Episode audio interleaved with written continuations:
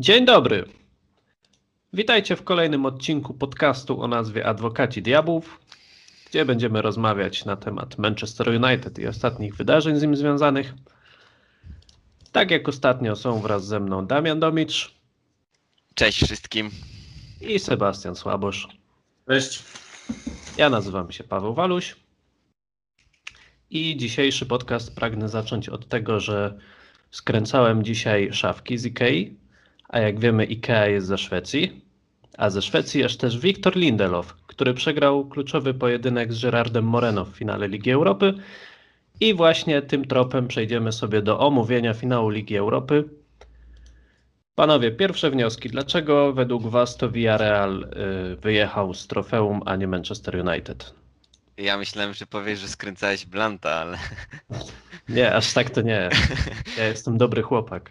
Dobra, ja mogę, ja mogę w sumie zacząć, bo lubię wygłaszać niepopularne opinie, więc powiem, że nie zagraliśmy wcale złego spotkania. Momentami graliśmy nawet świetnie, ale oczywiście do pewnego momentu.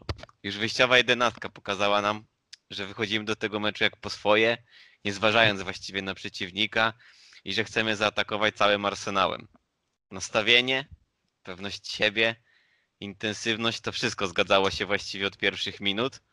No ale tak jak już powiedziałem na początku, do pewnego momentu. No bo jak mogliśmy zagra zagrać zły mecz, skoro rywale oddali tylko jeden celny strzał na bramkę po stałym fragmencie gry, a większość ich akcji kończyła się w kole środkowym boiska. Różnica, ta, różnica w jakości piłkarskiej w tym finale była widoczna na korzyść Manchesteru United. Villarreal natomiast wygrał Ligę Europy chyba jakością mentalną, cwaniactwem, sprytem, dojrzałością i poświęceniem, bo to oni cierpieli w tym meczu. I dlatego, że nie mogli nawiązać z naszymi piłkarzami wyrównanej walki, uciekli się gdzieś po prostu po szczęście. My byliśmy znakomici w fazie defensywnej, wysokim pressingu i najczęściej przedostaniu się na 30 metr boiska. No i tak jak już wcześniej zaznaczyłem, do tego momentu graliśmy naprawdę świetnie. Ale nasz kwartet ofensywny, czyli Bruno Fernandes, Cavani, Rashford, Greenwood, zawiedli w tym spotkaniu po całości.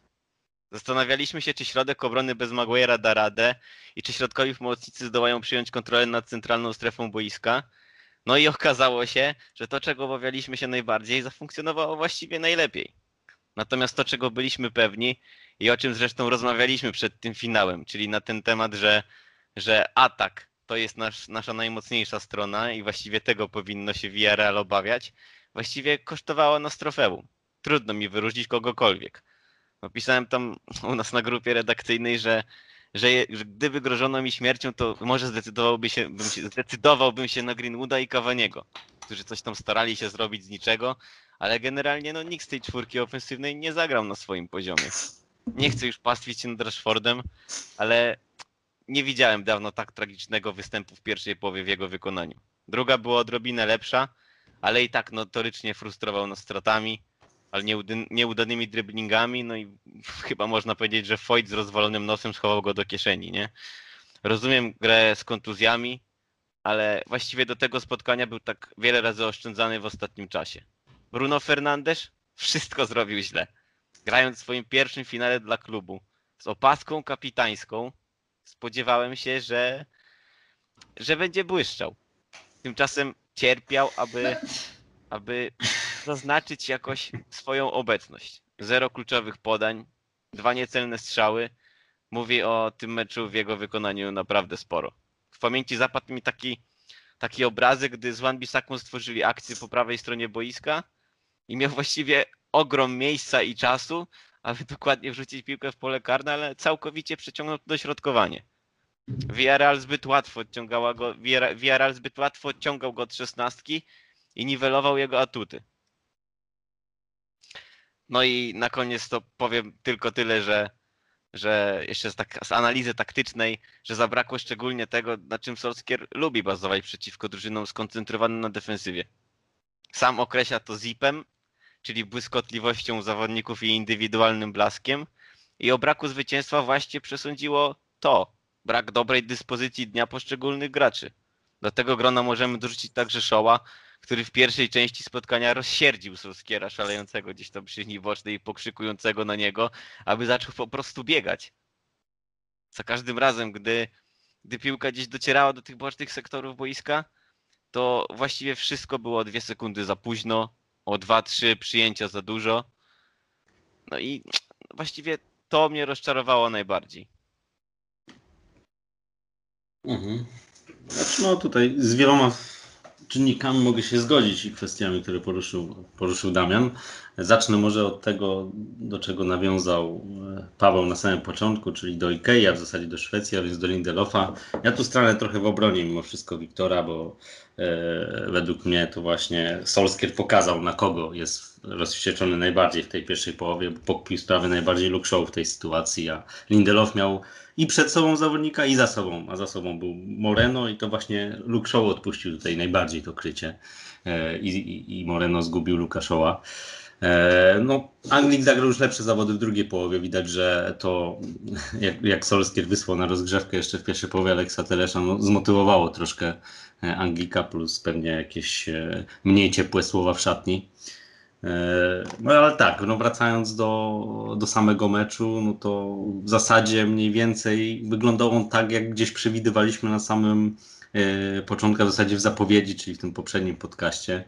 E, no siłą Villarreal była defensywa zdecydowanie i tutaj wiedzieliśmy, że tu może być problem Manchester United.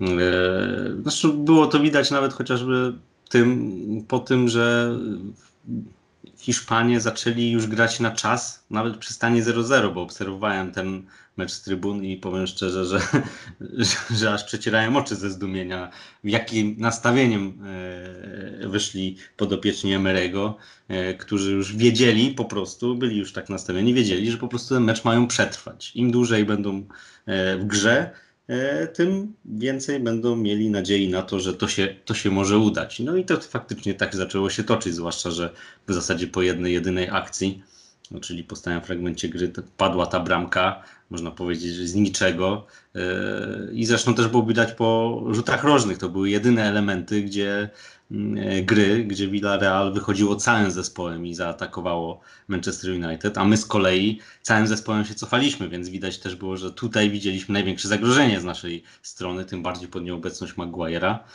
E, no ale poza tym jednym, e, jednym stałym fragmentem w zasadzie tam Villarreal za bardzo nie zagroziło naszej bramce, nie ma się też czego oszukiwać. Nawet, nawet często za bardzo nie próbowało.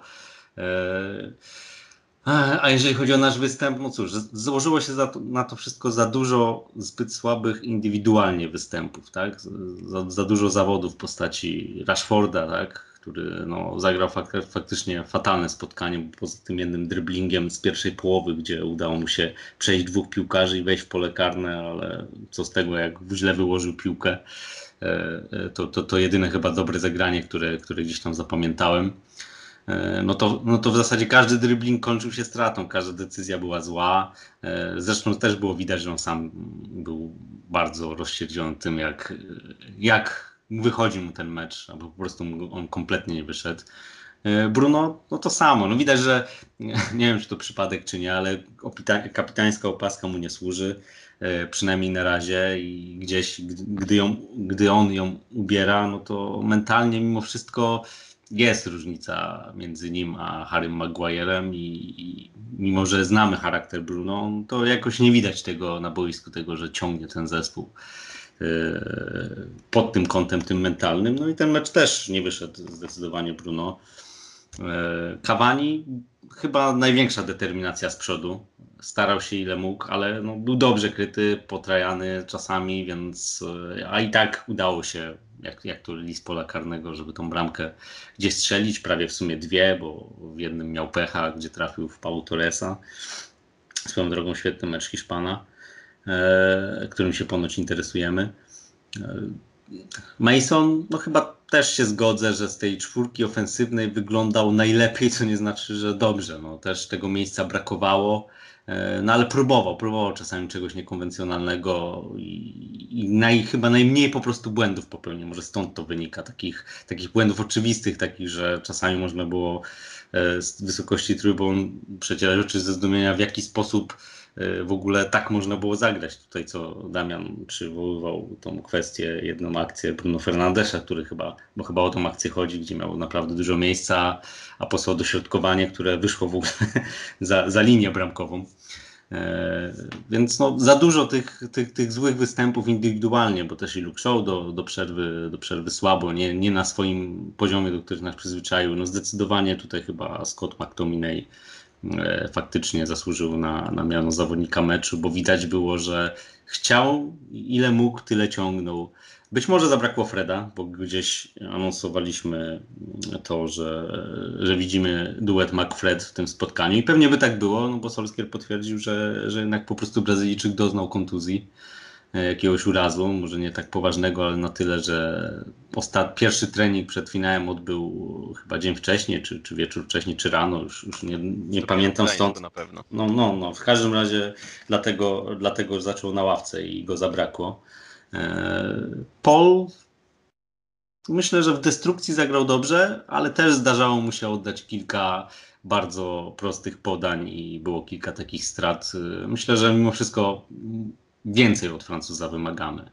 Fajnie, podobało mi się to, jak walczył, jak odbierał piłkę, bo tych odbiorów naprawdę kilka dobrych e, zebrał, ale w ofensywie dawał mało, to, to trzeba przyznać. I po prostu tutaj, chociażby statystyki no to wskazują, zrobiliśmy zdecydowanie jednak za mało, żeby, żeby pokazać to, że faktycznie byliśmy drużyną piłkarską, jakościowo zdecydowanie lepszą. No nie ma co ukrywać, nawet Villarreal tego nie ukrywało, które od pierwszej minut nastawiło się po prostu na przetrwanie tego spotkania. I to spotkanie przetrwało, no bo do 90 minuty to jakoś wyglądało. Jeszcze tutaj kwestia zmian, to też możemy gdzieś tam poruszyć. E, ale w dogrywce no, w zasadzie już nic się nie działo, jeżeli chodzi o, o nas. No, widać było, że, że, że siedliśmy. Nawet można było odnieść wrażenie, że troszkę, e, troszkę Hiszpanie poczuli wiatr w żagle i coś próbowali. Nic z tego kompletnie w zasadzie nie wynikało, ale, ale gdzieś ta dogrywka była bardziej po, po ich stronie. No i później rzuty karne, no, historię, resztę, resztę historii, że tak powiem, znamy.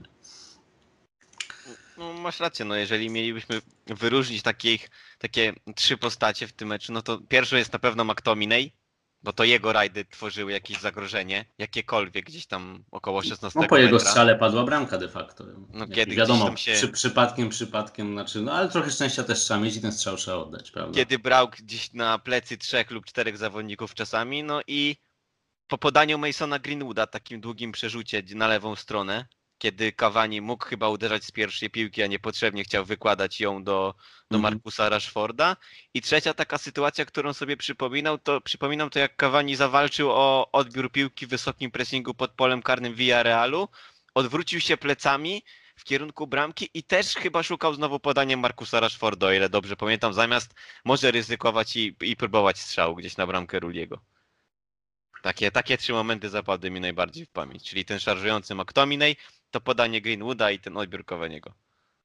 Mhm. Y, Ja sobie tu pozwolę na początku troszkę skontrować Damiana od razu, bo powiedziałeś, że jak Villarreal miałby wygrać po tym, jak oddał jeden celny strzał na bramkę, no ale Manchester oddał dwa, więc jakby to nie pokazuje wcale, żeby tutaj była jakaś dużo większa jakość. I w ogóle moim zdaniem ten finał po prostu był strasznie słaby. Wydaje mi się, że dla takiego postronnego kibica to, to był koszmar do oglądania, co jest oczywiście winą w cudzysłowie Villarrealu, no bo oni odmówili gry w piłkę nożną tak naprawdę, zakopali się w swoim polu, karnym. Ale moim zdaniem to świadczy tylko o tym, że y, dobrze swój mecz rozegrał Villarreal i źle Manchester United i już się z tego tłumaczę, ponieważ moim zdaniem Unai Emery zrozumiał, że może wygrać ten mecz przez trzy elementy. Pierwszym były kontrataki, które zostały super wyłączone przez ciekawe ustawienie ze Scottem McTominayem jako trzecim środkowym obrońcą i Aaronem Wan-Bissaką, y, który rozpoczynał pressing na Alfonso Pedrazie, czyli lewym obrońcy Villarrealu praktycznie pod ich polem karnym.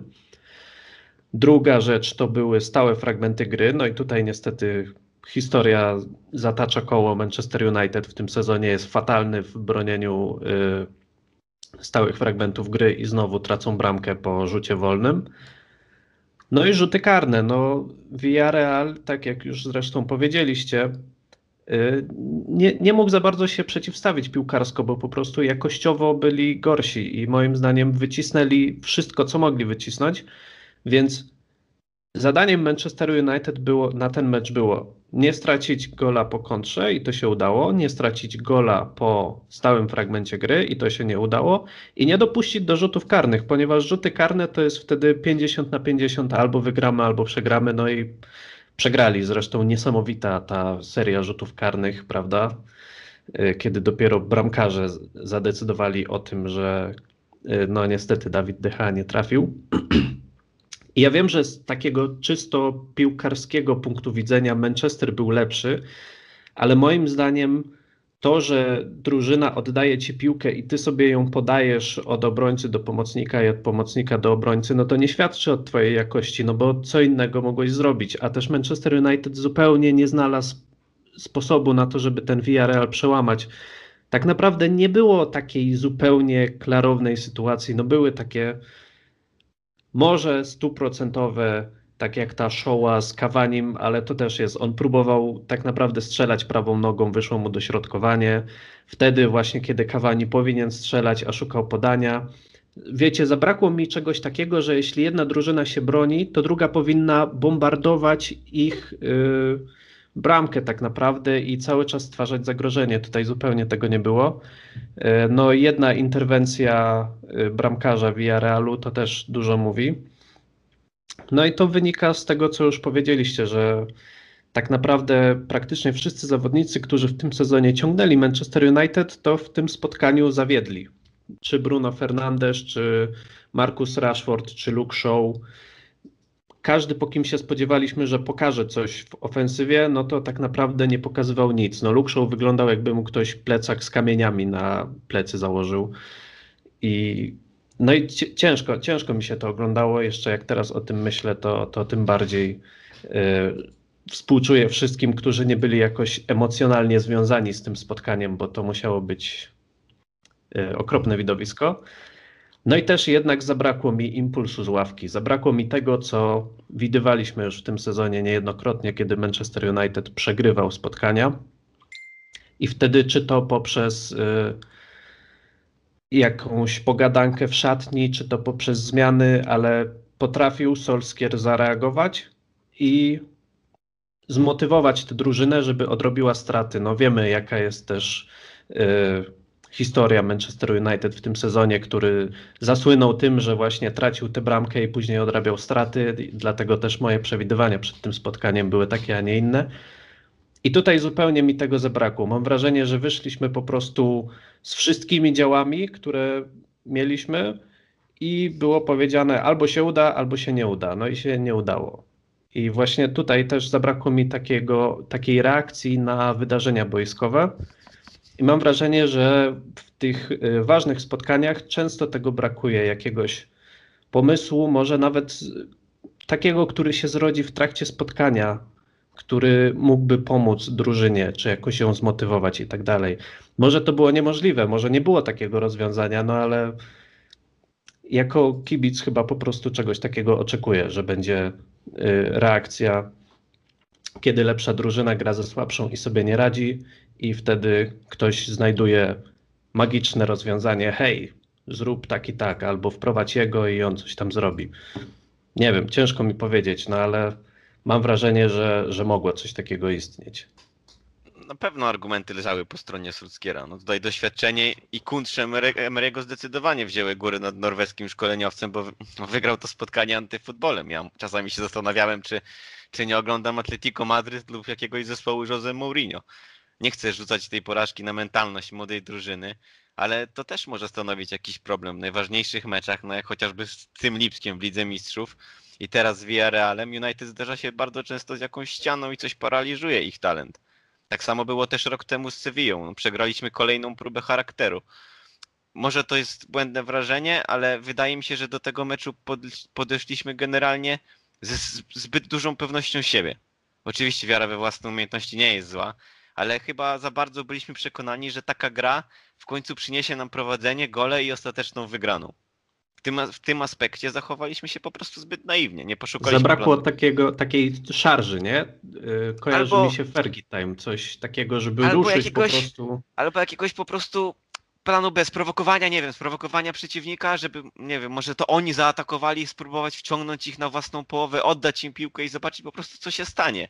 Może też, może też poczuliby przez chwilę chociaż jakąś krew, że nie wiem, United opadło z sił, i, a nagle moglibyśmy ich zaskoczyć jakimś bezpośrednim kontratakiem. No, Villarreal w tym meczu był zdecydowanie sprytniejszy. No to trzeba oddać Unajowi Emeryemu i też, no trzeba też pamiętać, że to jest mimo wszystko y, drużyna złożona z y, młodych zawodników, bez doświadczenia w takich meczach. No i Solskier jako trener też nie ma doświadczenia w takich meczach i to niestety wychodzi też w y, analizie The Athletic, którą tłumaczyłeś, troszkę to wypunktowali, że również Bruno Fernandes jako kapitan przy tych rzutach karnych trochę się nie popisał. Ciężko powiedzieć, czy to by miało jakiś wpływ, nie? Ale to są takie małe rzeczy, które sobie możesz wyobrazić, że faktycznie w takim momencie mają znaczenie, czy kto pierwszy strzela karne i tak dalej, te wszystkie elementy psychologiczne. No te tak zwane fine margins, o których mówił Ole Gunnar Solskjaer po spotkaniu. Nie? Tak, i to jest coś, o czym wydaje mi się, że już kiedyś mówiłem, że są takie drużyny. No, najlepszym przykładem jest Real Madryt, który po prostu nawygrywał się tych lig mistrzów i mistrzostw Hiszpanii pod wodzą Zidana i oni mają właśnie takie umiejętności, że nawet jak widać, że im nie idzie, że już ten skład jest na przykład stary albo zmęczony, albo przetrzebiony kontuzjami, ale oni mają coś takiego, że mają takie spotkanie z Villarrealem na koniec, na koniec sezonu, yy, no walczą jeszcze o to Mistrzostwo Hiszpanii i tam Villarreal zagrał dokładnie tak samo. Oni też zabetonowali pole karne, no ale był ten Benzema, był ten Modric, oni potrafili, wiecie, wcisnąć się gdzieś, jakoś strzelić tą jedną, drugą bramkę minimalnym nakładem sił, wygrać to spotkanie i chociaż finalnie to nie dało Mistrzostwa Hiszpanii, no to jednak przynajmniej mogą powiedzieć, że, że zrobili wszystko, co było do zrobienia. No i chyba właśnie u nas zabrakło takiego doświadczenia, trochę boiskowego i trenerskiego cwaniactwa, takiego wyczucia tego, jak y, przeciągnąć tę linę na swoją stronę. Nie chcemy rozmawiać o rzutach karnych i o Dawidzie De Gei i o tej jego fatalnej serii. Można było tutaj zrobić coś więcej? Widzielibyście to, że Solskier wprowadza Dina Hendersona w bramkę? W 119 minucie dogrywki? No ja tam po cichu wszystko liczyłem na taką ciekawą sytuację i takie rozwiązanie, tym bardziej biorąc pod uwagę to, że e, wiemy, że obaj bramkarze przyczynili się poniekąd do tego, że do tego finału doszliśmy przez rozgrywki europejskie, bo wiadomo jaka była historia tej rywalizacji między słupkami w tym sezonie.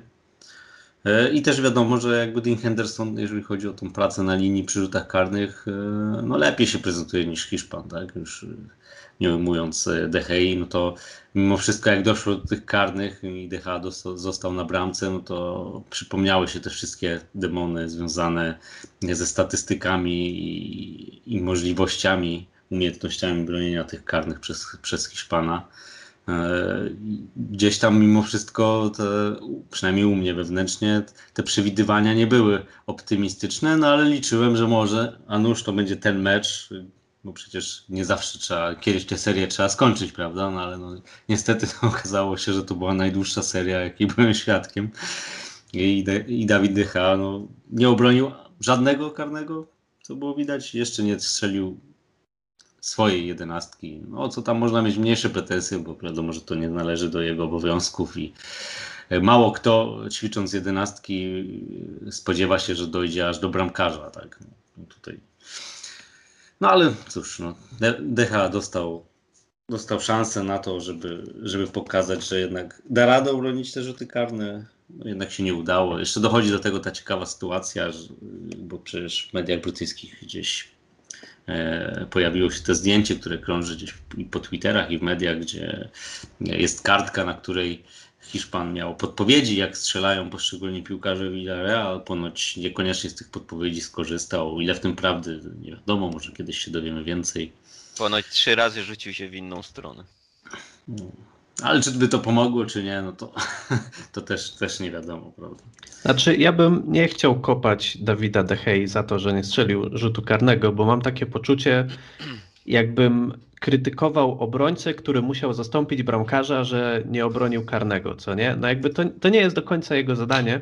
No dlatego no ja i... mówię, że ja nie krytykuję, nie mam pretensji o to, że tak, tak. nie trafił. Też można mówić, że Dawid De Gea nie obronił żadnego karnego, no ale Rui też obronił jednego, którego strzelał Dawid De Gea, więc to nie jest jakiś niesamowity no, wyczyn. No, dok dokładnie.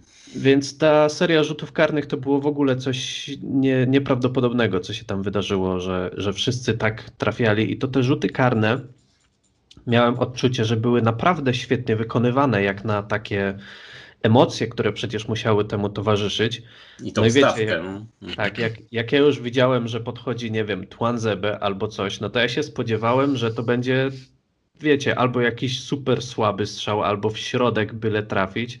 A tu nie, no walą po oknach, gdzieś tam wrogi, w ogóle zero stresu, jakby sobie na treningu strzelali, nie? No, no naprawdę robiło to na mnie wrażenie ogromne.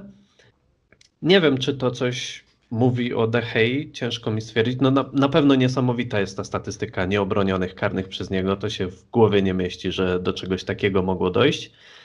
I też to jest ciekawe, bo przecież Dawid De Gea to jest ostatni zawodnik z tego składu poza Philem Jonesem, który pamięta jeszcze mistrzostwo Anglii z Alexem Fergusonem.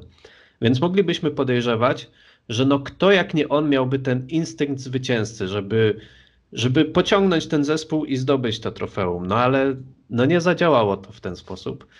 Y, no ale tak jak mówię, no ja bym nie, na pewno nie miał do niego pretensji, ale też ciekawi, ciekawi mnie, co by się stało, gdyby wszedł ten Henderson na karne. To by było na pewno ciekawe.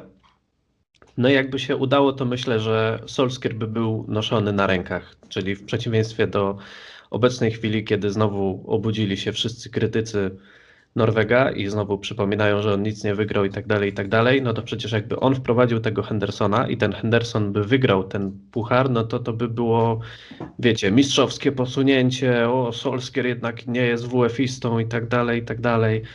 No szkoda, szkoda, bo to też byłby bardzo ciekawy scenariusz na ten finał. No ja nie wiem, czy ta zmiana bramkarza to nie jest trochę taki mit po tym Luisie Van Halu i tych Mistrzostwach Świata w 2014 roku, no ale statystyki faktycznie przemawiają za Hendersonem, który e, przeciwko któremu strzelcy nie strzelili gola e, w 8 z ostatnich 17 jedenastek. Te strzały faktycznie stały na bardzo wysokim poziomie. No i nawet Henderson mógłby mieć problem z ich obronieniem. Ja, to, ja się śmieję osobiście, jak widzę że niektórzy wyrzucają Dawida Dechę z klubu. Od dawna przecież wiadomo, że nie jest najlepszym golkiperem do bronienia rzutów karnych i czarno widziałem to już przed, przed rozpoczęciem tego konkursu.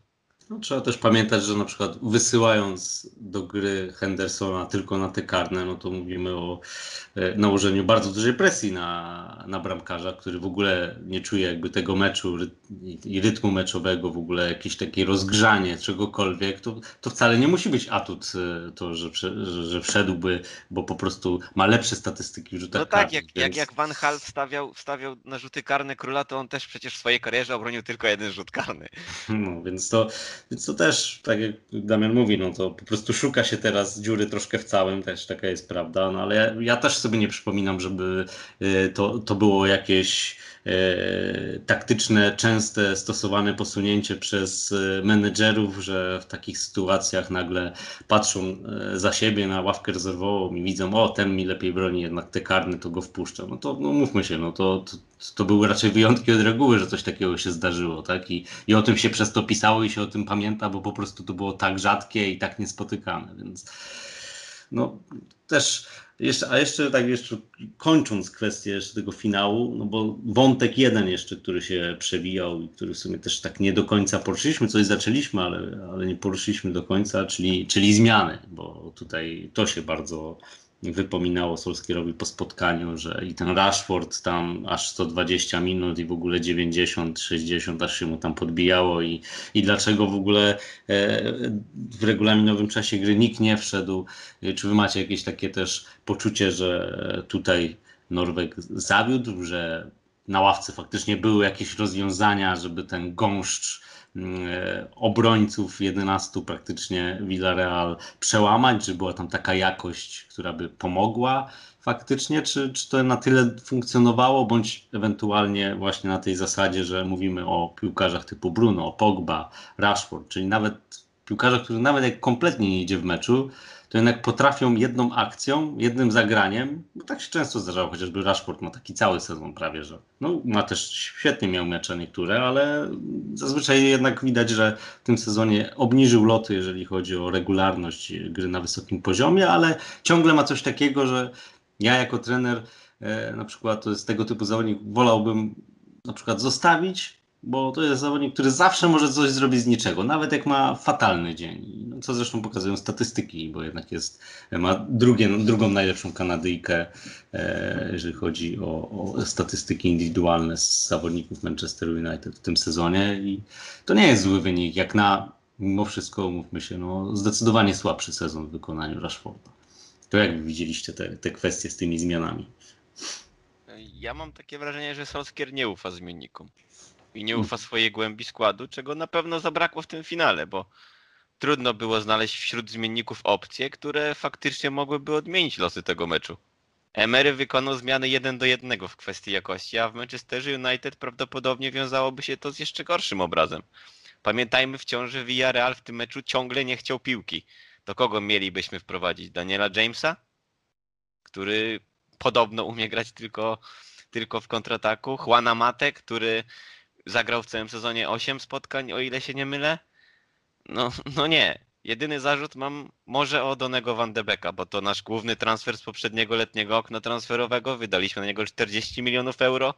Facet występował w, w półfinale Ligi Mistrzów, zdobył tam gola. Dał też świetny występ w ostatniej kolejce ligowej przeciwko Wolves. A w finale nie dostał ani minuty. De facto przeciwko zespołowi, który najlepiej może pokazać jego atuty. Wielokrotnie podkreślaliśmy też w tym podcaście, że Van de Beek doskonale odnajduje się między liniami, w gąszczu zawodników, kiedy albo kogoś ściąga za sobą, albo po prostu często znajduje się tam, gdzie spada piłka. Dla mnie to był jedyny oczywisty gracz do wejścia w finale, patrząc na to, co się dzieje na boisku. No, ja się troszkę z tym nie zgadzam, e, ale to już wiecie, bo rozmawialiśmy o tym na konferencji. E, tak jak mówiłem wcześniej, mi zabrakło takiej, takiego impulsu z ławki. I ja rozumiem to, że faktycznie czy Bruno, czy Rashford pokazywali już w tym sezonie, że mogą grać piach przez całe spotkanie i potem jednym magicznym dotknięciem zdobyć bramkę.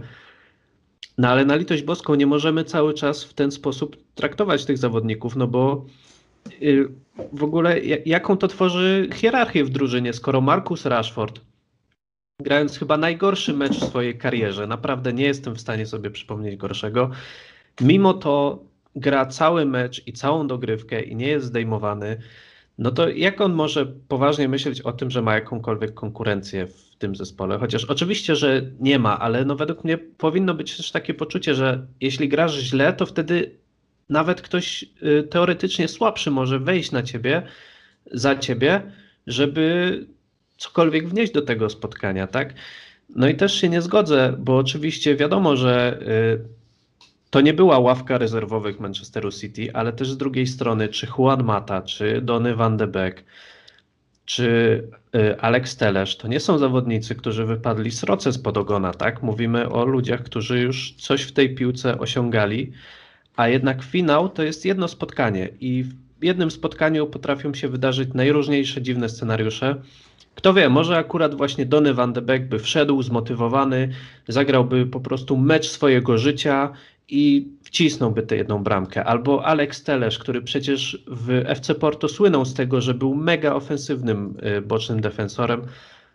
Przypomniałby sobie, zagrałby jakąś świetną asystę albo huknął z dystansu. No, to no są dobra, oczywiście. I, sorry, ale, sorry, przerwę ci, ale chciałbyś, żeby Teles szedł w tym meczu no, za Lukaszoła prawdopodobnie, tak? Tak. Czyli za zawodnika, który w tym sezonie kreował większość naszych akcji. Ale czy on wykreował w tym meczu większość a, akcji W dodatku ryzykowaliśmy, ryzykowalibyśmy też, jak nie wiem, jakąś kontrę z prawej strony boiska. Wiemy, że Telesz nie jest najlepszy w defensywie. No ale sam powiedziałeś, że Villarreal nie grał y, w ogóle w piłkę, nie grał ofensywnie, więc wiesz, no wydaje mi się, że w pewnym momencie musisz podjąć ryzyko. No jeżeli tego nie robisz, no to właśnie tak to się kończy, jak się skończył ten mecz. To z drugiej strony Wiesz, to nie jest tak, że Alex Telesz to jest gość, który się teraz nadaje tylko do Wisły Kraków. On tutaj no, nie trafił przez przypadek. Nie. Oczywiście, że nie ma atuty, których show na pewno nie ma, nie?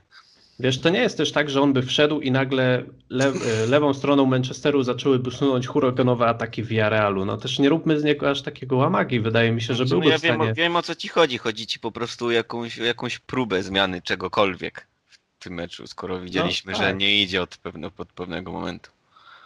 Bo wydaje mi się, że nawet jeśli to nie są zawodnicy, którzy na przestrzeni tego sezonu potrafili coś pokazać, to wydaje mi się, że na przestrzeni na przykład 15 minut y, końcówki meczu czy 15 minut dogrywki mogliby spróbować. Może by się to udało, może by się to nie udało, ale wtedy też Solskier mógłby powiedzieć, no słuchajcie, próbowałem, no ale widzicie, że nic to nie dało, prawda? I wtedy już na przykład nie byłoby tego y, zarzutu o brak reakcji. Oczywiście nie powinien tego robić tylko dlatego, żeby y, mieć czyste imię po tym finale, no ale mo- moim zdaniem można było tu coś zrobić i taki strach przed y, zmianą Rashforda, bo może akurat przez przypadek jeden dribbling mu wyjdzie i strzeli gola, no to jest, wiecie, no jak się próbuje coś 100 razy i coś nie wychodzi, no to ciężko oczekiwać, że za 101 razem nagle się uda. A czy sam podkreślałeś, że najbardziej cenisz Rashforda za to niedawno, że nawet jak mu nie wychodzi, to on próbuje i próbuje i Zawsze się udaje. asystę i gola. No tak, bo ja to cenię i to jest bardzo dobra cecha. E, No bo byłoby jeszcze gorzej, gdyby w pewnym momencie przestał próbować i po prostu na przykład spacerował po boisku. Ale ja myślę, że jednak Solskier miał gdzieś w głowie to, że do tych rzutów karnych może dojść wkrótce i w końcu właściwie i, i ten Rashford będzie podczas tych jedenastek potrzebny. Znaczy, no wiadomo, ja jestem w komfortowej sytuacji, bo mogę to mówić już po wszystkim, co się wydarzyło. Gdyby Rashford wykonał tę jedną akcję, no to wtedy chwaliłbym Solskiera za to, że go nie zdjął, prawda? Więc to jest też takie ocenianie po fakcie najłatwiejsze i ja tego nie ukrywam, no ale takie mam zdanie i wydaje mi się, że, że można było chociaż spróbować. Nie mówię tutaj o jakiejś nagłej zmianie pięciu zawodników nowych wprowadzamy, ale chociaż dwóch, kto wie, kto wie. Y, Dobrze, myślę, że już sobie zostawimy ten mecz w spokoju, bo jeszcze chcielibyśmy zrobić podsumowanie sezonu Manchesteru United. Y, Zrobimy sobie w ten sposób je, że będę wymieniał zawodników. Y, Wy podacie ocenę od 1 do 10, jakieś, nie wiem, zdanie albo dwa. Jeżeli ktoś będzie miał ciekawszą sytuację, no to może się na chwilkę przy nim zatrzymamy i później spróbujemy jakoś tak ogólnie podsumować, co myślimy o tym sezonie, czego się spodziewamy na następne i tak dalej, i tak dalej. Więc zaczniemy sobie od tego nieszczęsnego Dawida De Gea, który jest y, kozłem ofiarnym finału Ligi Europy. Jaka jest wasza ocena sezonu w wykonaniu Hiszpana? W sumie powiedziałbym, że siódemka, może nie jakaś mocna, ale, ale taka powiedzmy słaba siódemka, bo wydaje mi się, że Hiszpan no, chyba nie miał najgorszego sezonu, pomijając to, że tam jak się to, jak się to zakończyło i tak dalej. E, stracił miejsce owszem w składzie e, na jakiś czas. E, Acz wiadomo, że to nie wynikało też jakby z samej dyspozycji Hiszpana gorszej czy, czy coś w tym stylu. No, wiadomo też, że to wy- wynikało z prywatnych spraw i to, tego, że narodziło mu się dziecko, więc nastąpiła pewna przerwa i w treningach, i w grze, którą wykorzystał Dean Henderson, ale który z kolei gdzieś zanotował słabszą końcówkę sezonu i jak widać Dawid Gea z kolei tutaj bardzo, bardzo ładnie wykorzystał ten moment y, i rozegrał końcówkę według mnie bardzo, bardzo udaną. Gdzieś te, gdzieś te interwencje były, były na wysokim poziomie często i dlatego Henderson już znowuż, znowuż musiał ustąpić y, Hiszpanowi w końcówce. E, Czy coś więcej? No, chyba nie, no nie, nie był to na pewno żaden wybitny sezon, ale też, też troszkę, mówimy już troszkę o innym Manchesterze mimo wszystko. No. To nie jest już taki Manchester Jose Mourinho, który gdzieś nastawia się jednak kompletnie już na tą kontrę i bronienie i oddaje rywalom tyle pola, żeby, żeby oddawali tyle strzałów i on broni po prostu tak najęty. Widać, że na pewno ta forma nie jest jeszcze taka, do jakiej nas przyzwyczaił, ale wydaje mi się, że miało zdecydowanie gorsze sezony. No i ja dałbym mu szóstkę, taką wyjściową ocenę. Nie pamiętam żadnej fenomenalnej interwencji w jego wykonaniu w tym sezonie, ale nie pamiętam też niczego złego. Pamiętam tylko tyle, że kilku ekspertów zarzucało mu brak ofiarności podczas tego stałego fragmentu gry w meczu z Evertonem, kiedy strzelili nam bramkę w ostatniej akcji meczu. Na pewno był to lepszy sezon od poprzedniego. Sebastian powiedział, że na chwilę przegrał gdzieś te rywalizacje z Hendersonem, no ale faktycznie nie wynikało to z żadnego spadku formy. No i jednak w tym meczu rewanżowym za AS Romą dawał radę. Bronił to, co miał bronić. No tutaj zarzut chyba do Dehei jeszcze za mecz z Lipskiem, jak dobrze pamiętam. I, I to tam tej ofiarności też zabrakło przy takiej. Dobrze mówię? To był z Lipskiem? Z Lipskiem chyba, tak? Chyba, chyba tak. Justin Kleifert chyba strzelił, tak? Tak, Czy- to chyba w tamtej sytuacji o to chodziło. tak, tak, tak. Ja też daję Dehei szóstkę, tak jak y, Damian. Wydaje mi się, że jest teraz na lekkim prowadzeniu właśnie o pozycję numer jeden w Manchesterze, ale też mam odczucie, że wynika to z faktu, że Dean Henderson nie za bardzo daje argumenty, żeby go obecnie wygryźć. Trochę nam ostygła ta rywalizacja. No ale właśnie teraz Dean Henderson. Jak oceniacie angielskiego bramkarza w pierwszym pełnym sezonie w Manchesterze United? Ja też bym dał mu szóstkę, kiedy wchodził do bramki. Na pewno od Dehei różnił się tym, że był bardziej wokalny na boisku, lepiej gdzieś dyrygował tą def- naszą defensywą. Zwłaszcza przy tych dośrodkowaniach imponował, kiedy naprawdę nie bał się, nie bał się wychodzić do piłki, ale momentami to też sprawiało, że serce podchodziło nam do gardła. Nie pamiętam dokładnie, które to było spotkanie, ale takie jego jedno wyjście za pole karne mogło nas tam kosztować bramkę, ale chyba był offside ostatecznie. Gotuje się czasami 16 Henderson. Nie wiem, czy to kwestia wieku, czy już po prostu takiego jego nastawienia, gorącej krwi. Ale no faktycznie tą końcówką sezonu nie dał argumentów, żeby, żeby w przyszłym sezonie można było stawiać na niego w roli pierwszego golkipera. No te dwa błędy w meczu z Liverpoolem rzucają mi się najbardziej w pamięć. Mhm. No ja tam dałbym szósteczkę, jednak mimo wszystko uważam, że DH na ten moment jest y, troszkę lepszym fachowcem y, i przede wszystkim wygrywa doświadczeniem z Deanem Hendersonem. Myślę, że tego doświadczenia Anglikowi troszkę brakuje E, i ta duża pewność siebie, którą znamy już z wielu wypowiedzi u, Anglika, no też troszkę daje znać, bo gdzieś czasami wkrada się za duża chyba arogancja w jego grę, grze, no, jakieś bawienie się w Manuela Neuera. Ja wiem, że to tam nowoczesność i próba pokazania się jak najbardziej no, ma do tego prawo, no jakoś musi przekonać Solskiera do siebie. Ale też nie powiedziałbym, że, że gdzieś stoi na straconej pozycji, że on jakoś tą rywalizację przegrał czy coś. Myślę, że podjął rękawice e, z lekkim wskazaniem e, na Dawida Deche, według mnie na ten moment, ale to jest dla mnie tylko wygrana na punkty, żaden knockout. Ja też szósteczkę, chociaż przyznaję, że ja jestem troszkę rozczarowany Deanem Hendersonem. Miałem wrażenie, że będzie potrafił jednak dać więcej argumentów do tego, żeby zająć pierwsze miejsce w bramce Manchester United. Na razie tego nie zrobił. Aczkolwiek też nie uważam, że to jest y, jakaś znaczna przewaga Hiszpana. No, tak naprawdę nadal ciężko ocenić. To jeszcze tak Was spytam, bo mówi się o tym, że w przyszłym sezonie również obaj mają zostać i rywalizować nadal o bluzę numer jeden. Według Was to jest dobra decyzja, czy już latem któryś powinien się pożegnać z Old Trafford?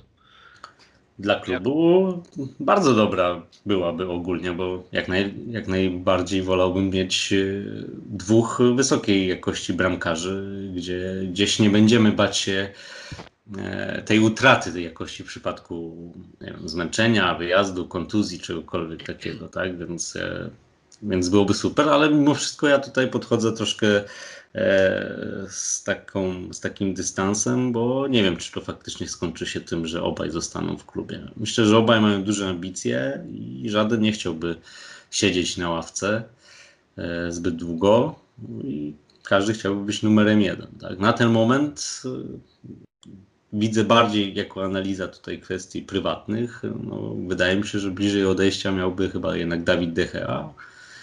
Co wynika bardziej już z tego, że no, urodziło mu się dziecko, tak sytuacja rodzinna się zmieniła, no chciałby być pewnie bliżej rodziny, no chyba, że ją ściągnie w końcu do Anglii, ale do tej pory się to nigdy nie, nie, nie zdarzyło, ciągle, ciągle są w tych rozjazdach. I, no, na logikę, no jesteśmy ludźmi, no chyba chciałby być bliżej swojej rodziny i kto wie, czy, czy gdzieś tutaj nie będzie szło w tym kierunku, jeżeli chodzi o lato.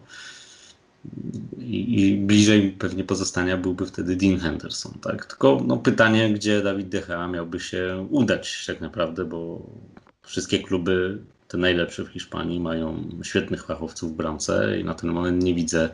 Znaczy to byłoby tak troszkę z deszczu pod rynne, jeżeli chodzi o te ambicje, bo znowu trzeba byłoby z kimś porządnym rywalizować, na pewno porządniejszym na ten moment niż Dean Henderson, więc no chyba, że któryś z tych klubów sprzeda swojej, swoją jedynkę i, i wtedy się pojawi to miejsce dla Dawida Dehei, ale to tylko takie rozważania. No, ja oczywiście, jak było można i jeżeli obaj się na to zgodzą, chętnie widziałbym e, jeszcze raz tą rywalizację i dwóch takich bramkarzy i prawdopodobnie do tego Tom Hitton, który też nie jest złą fachurą, a mówi się o tym, że, że to on tutaj zastąpi w sumie Ligranta i Sergio Romero, którym się kończą kontrakty.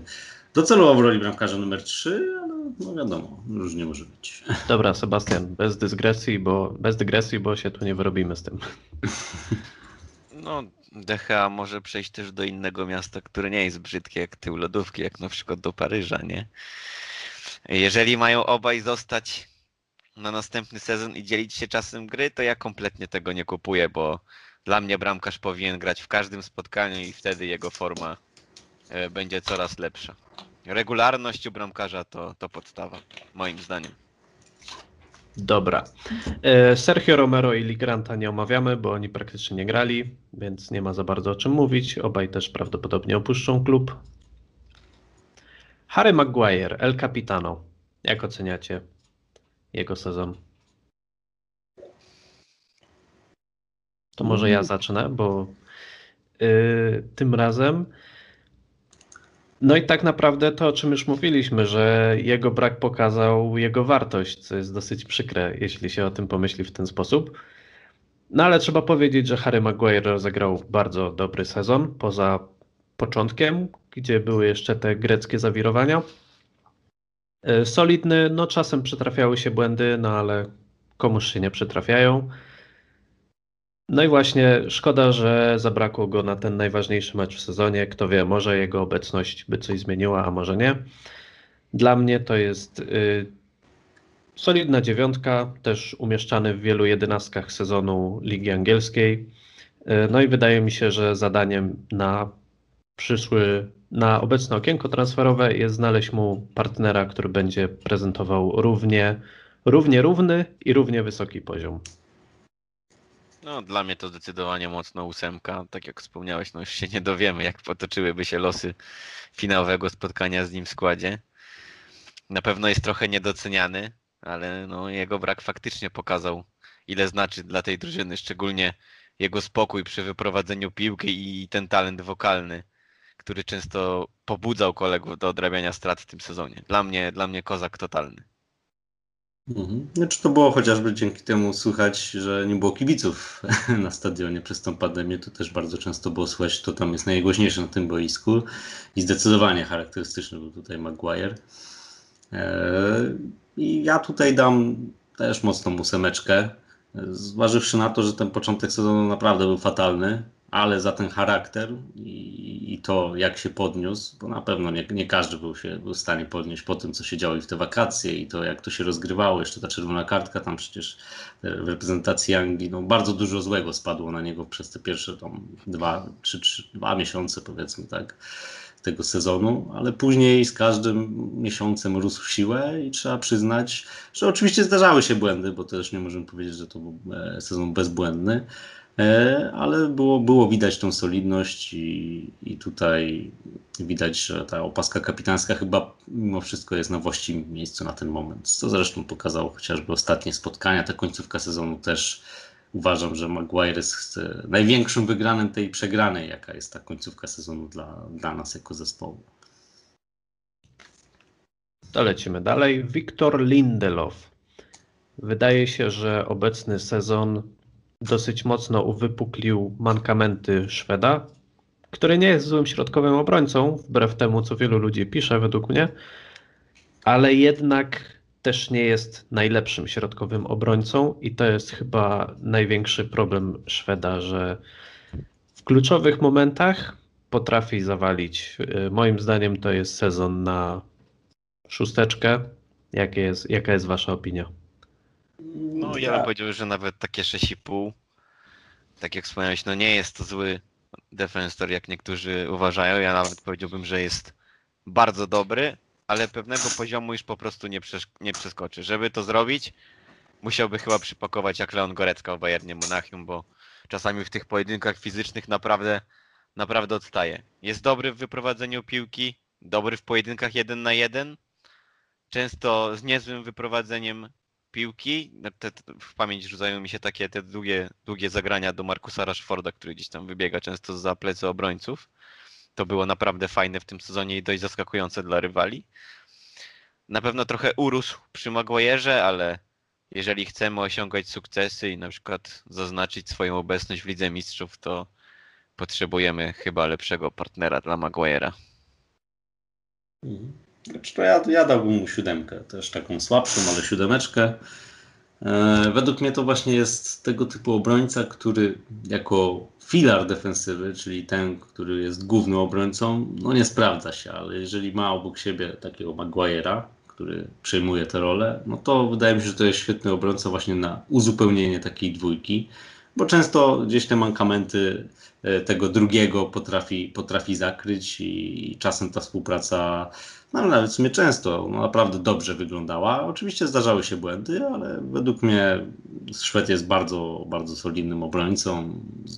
Miewa serię bardzo dobrych spotkań. No i przede wszystkim jest też, znowu już tutaj, to już podkreślam często, ważne, dostępny dla trenera, więc gdzieś to zdrowie e, i ta wytrzymałość e, no też jest na korzyść, korzyść tego piłkarza. Także ja, ja daję mu siódemkę według mnie. No zdarzały się błędy, ale też nie, nie powiedziałbym, żeby to tragiczny sezon w wykonaniu Lindelofa. Na pewno y, przyda się jakaś konkurencja, to nie ulega wątpliwości, taka poważna konkurencja, y, acz nie, nie, nie uważam, że to od razu oznacza, że Szwed straci miejsce w składzie. Może być tak jak z Showem, że właśnie jeszcze bardziej wskoczy na wyższy poziom, co tylko z korzyścią dla drużyny.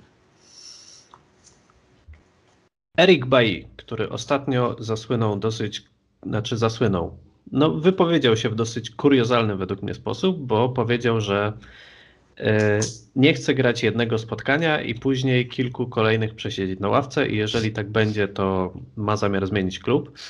Co jest kuriozalne moim zdaniem, ponieważ zazwyczaj wynikało to z faktu, że łapał kontuzję, bo Erik Bailly grał dobrze, kiedy grał, a potem się łamał na kilka tygodni i nie można było go wystawić, więc nie do końca wiem, do kogo Iworyjczyk kierował te pretensje.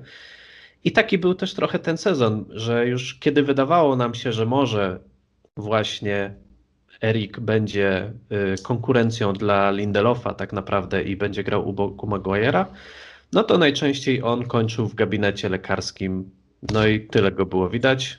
Y, W końcówce sezonu wykorzystał brak Maguire'a. Ciężko powiedzieć, czy jakiś y, świetny, świetne wyniki wtedy zanotował.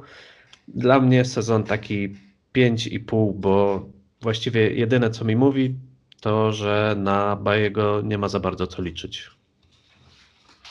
Mhm, No ja też, ja dałbym piątkę, a wynika to głównie z tego, że mankamenty, które były pozostały, czyli ta, ta elektryczność, e, myślę, że to chyba się już nie da tego wyeliminować, po prostu Eric Bay taki jest, plus oczywiście ofiarność, za którą często płaci e, słoną cenę, bo często wynika później, te, te urazy często wynikają z tej ofiarności, e, bo czasami po prostu ta ofiarność jest zwyczajnie głupia. E, No i przez tą dostępność i to, że, że jednak na niego można częściej nie liczyć niż liczyć, no tutaj cóż, no nie, nie da się chyba wy, wyprzedzić tej wyjściowej oceny, no bo przyjmijmy, że ta wyjściowa niech będzie 5, tak? Dobrze przyjmujemy. Więc tak, tak, tak to pozostawię. Tak, tak mi się wydaje, że 5-6. Mhm.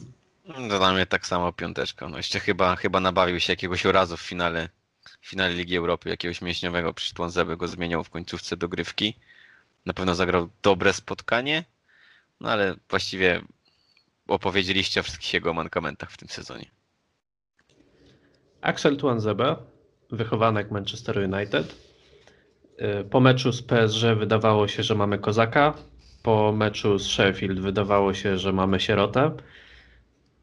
Ciężko tak naprawdę ocenić. No, niestety y, przez większość sezonu nie miał okazji pokazać nam, kim właściwie jest, jaka jest jego prawdziwa twarz.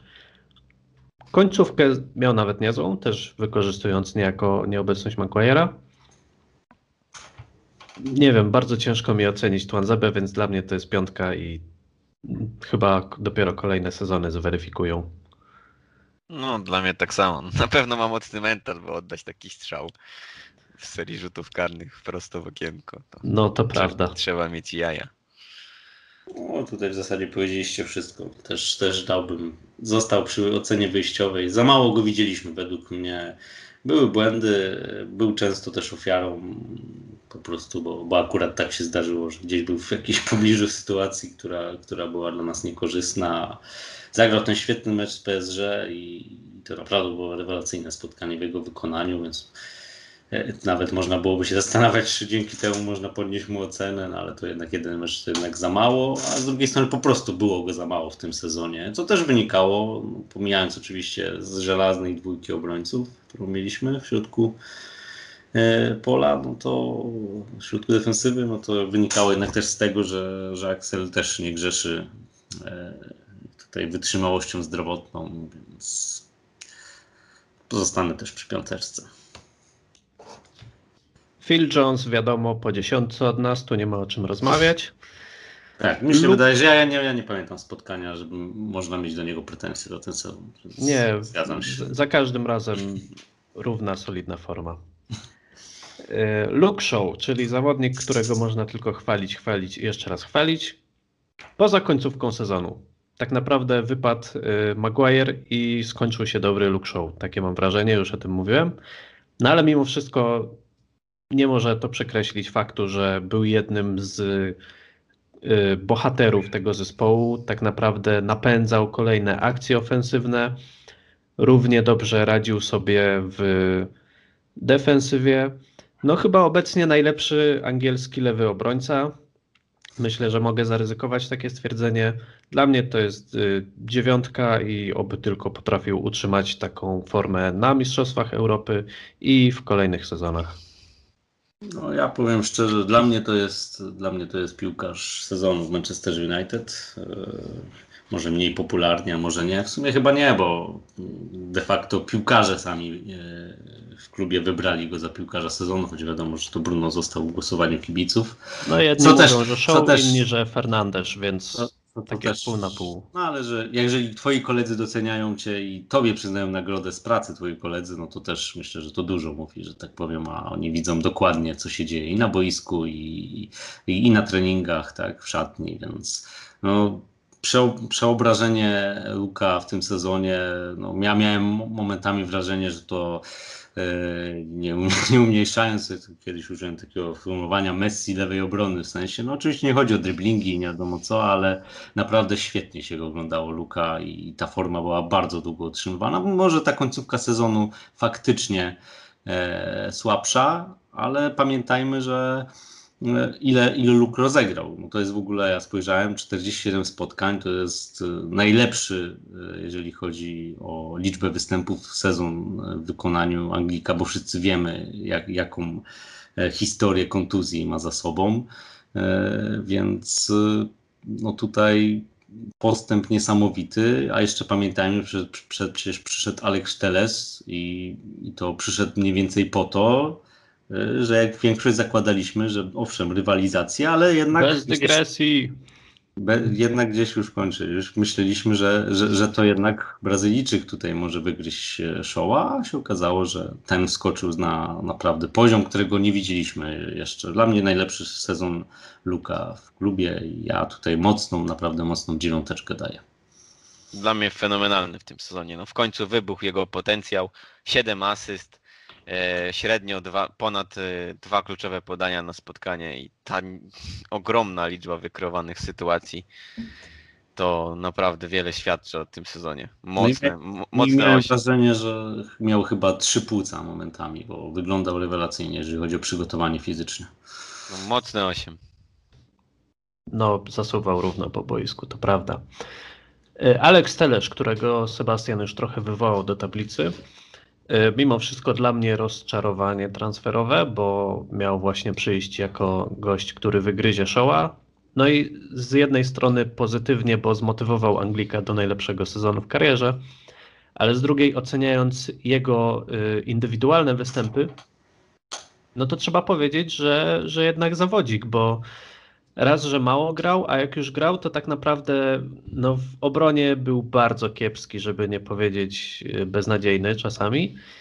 A w ofensywie wcale nie dawał tyle, ile byśmy się spodziewali. Pamiętam, że na początku sezonu, jak grał pierwszy mecz i rzucał takie dośrodkowania w punkt z PSG, rzutu to- rożnego. To, było z PSG. Mhm. Tak, i ja sobie wtedy myślałem, kurde, wreszcie mamy takiego bocznego obrońcę, który będzie dawał te asysty. No i okazało się, że mieliśmy, tylko że to nie był Alex Telesz. Yy, No, jakby nie skreślam go jeszcze, bo uważam, że może sporo dać tej drużynie, nawet jako rezerwowy lewy obrońca, ale mimo wszystko, no chyba wszyscy spodziewaliśmy się czegoś więcej. Ja mu daję czwórkę za ten sezon.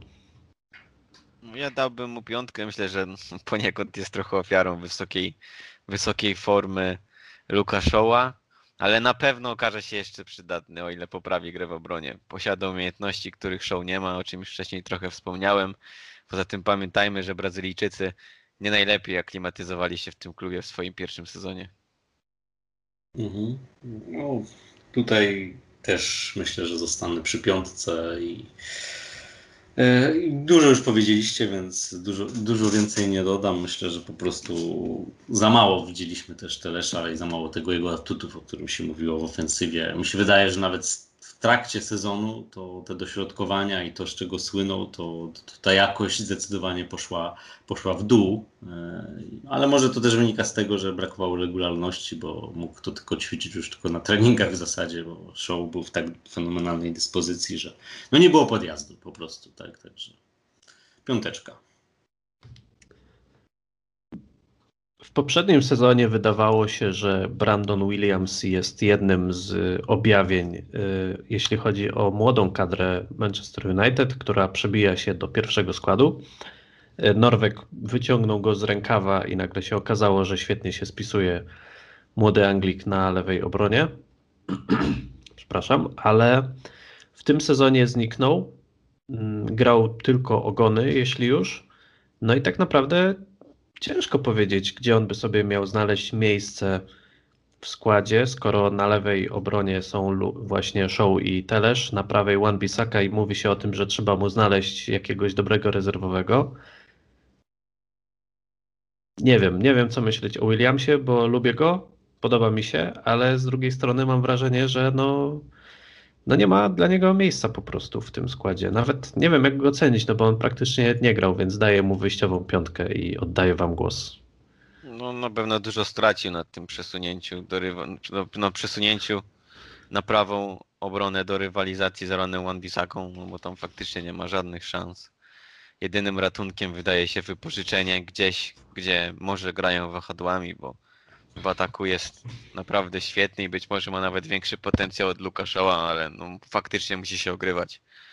Bo na razie bez, bez strzału. Ja nawet nie pokuszę, nie pokuszę się o żadną ocenę, bo zagrał po prostu za mało spotkań. No ja osobiście też jestem w sumie rozczarowany troszkę tym, jak, jak to się potoczyło, bo też miałem duże nadzieje wo- wobec Brandona po, po, po poprzednim sezonie. No ale Alex Telesz, e, jego przyjście zdecydowanie tutaj wybiło e, z rytmu i mu z głowy w zasadzie grę w pierwszej drużynie, także myślę też, że wypożyczenie może to Southampton i to będzie najlepsze dla wszystkich stron, a tutaj zostawię też piąteczkę. Nie wiem, czy dobrze pamiętam, ale wydaje mi się, że Solskier gdzieś na początku sezonu trochę kwestionował jego nastawienie do treningów. Nie, nie kojarzę szczerze mówiąc, ale Mhm. mogło tak być.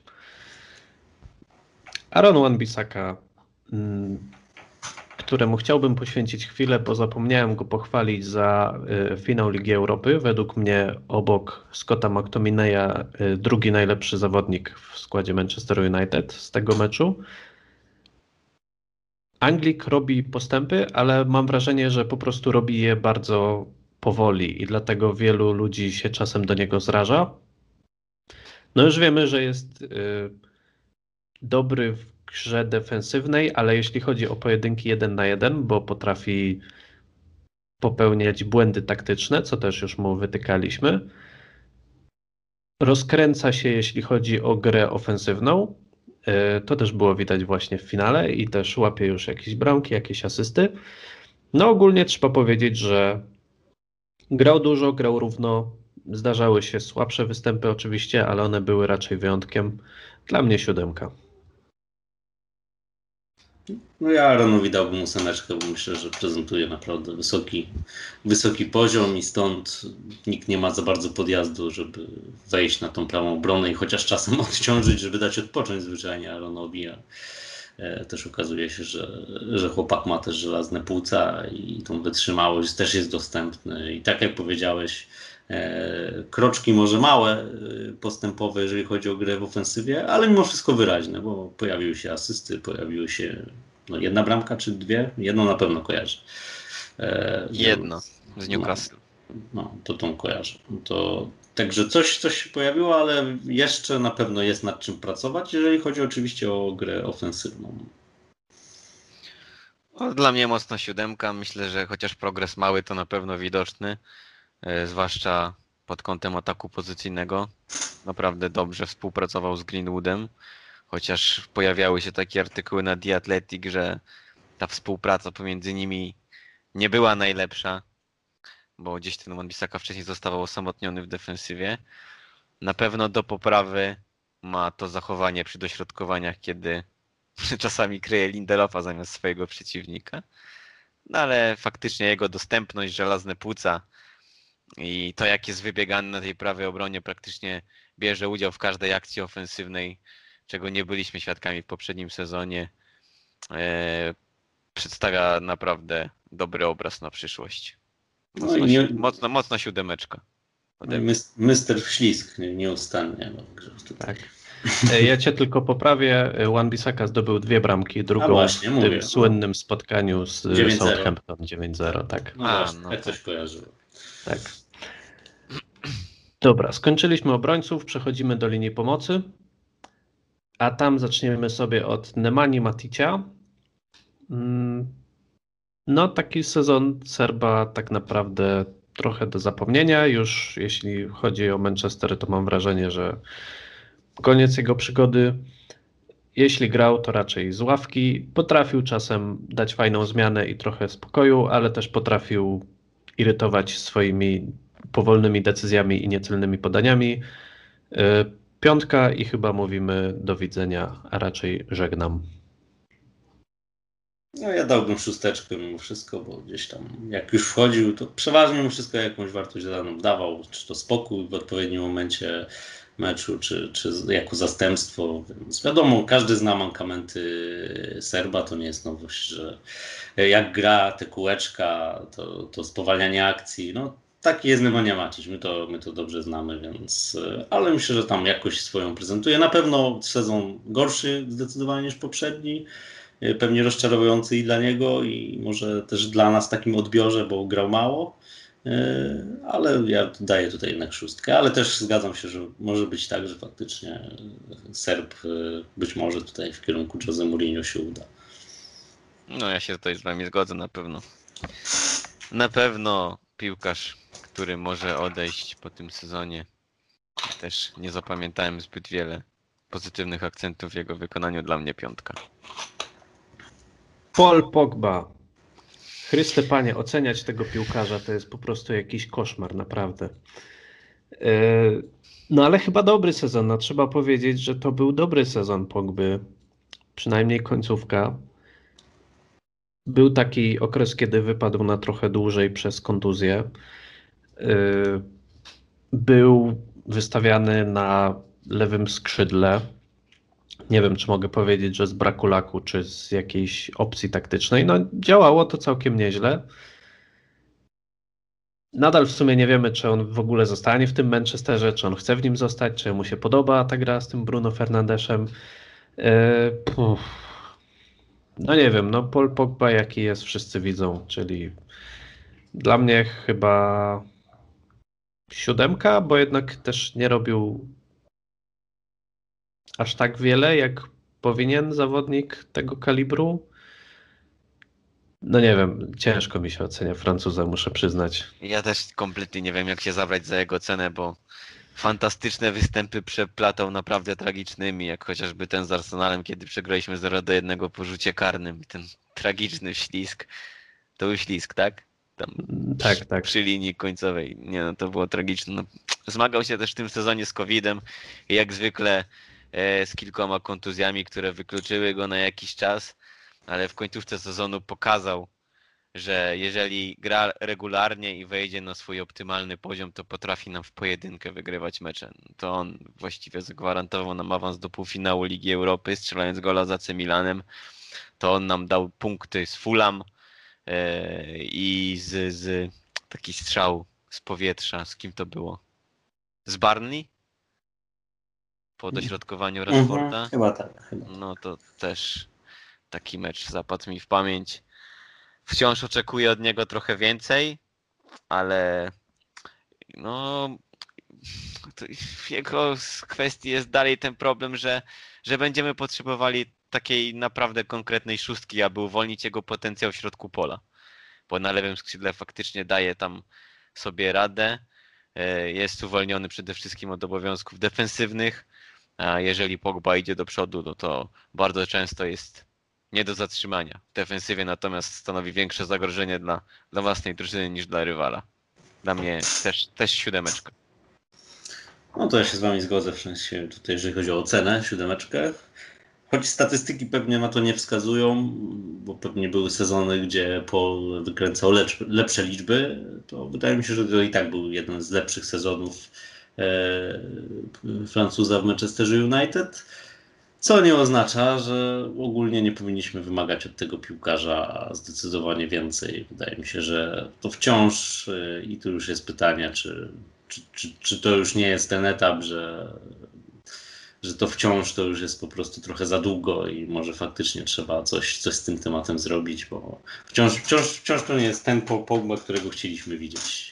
Nie ta regularność i przebłyski częściej, na pewno lepszy sezon niż, niż wszystkie, ale to nie jest sezon na miarę według mnie mistrza świata i, i, jedno, i najdroższego piłkarza świata, gdy go kupowaliśmy, więc no nie, nie, nie, nie inaczej. Nie, nie jest to dla mnie rozczarowanie na pewno w tym sezonie, ale, ale to też jeszcze nie jest to, co, czego oczekiwaliśmy. Także siódemeczka, bo lep, jeden z lepszych sezonów, ale, ale tyle po prostu, jeżeli chodzi o pola.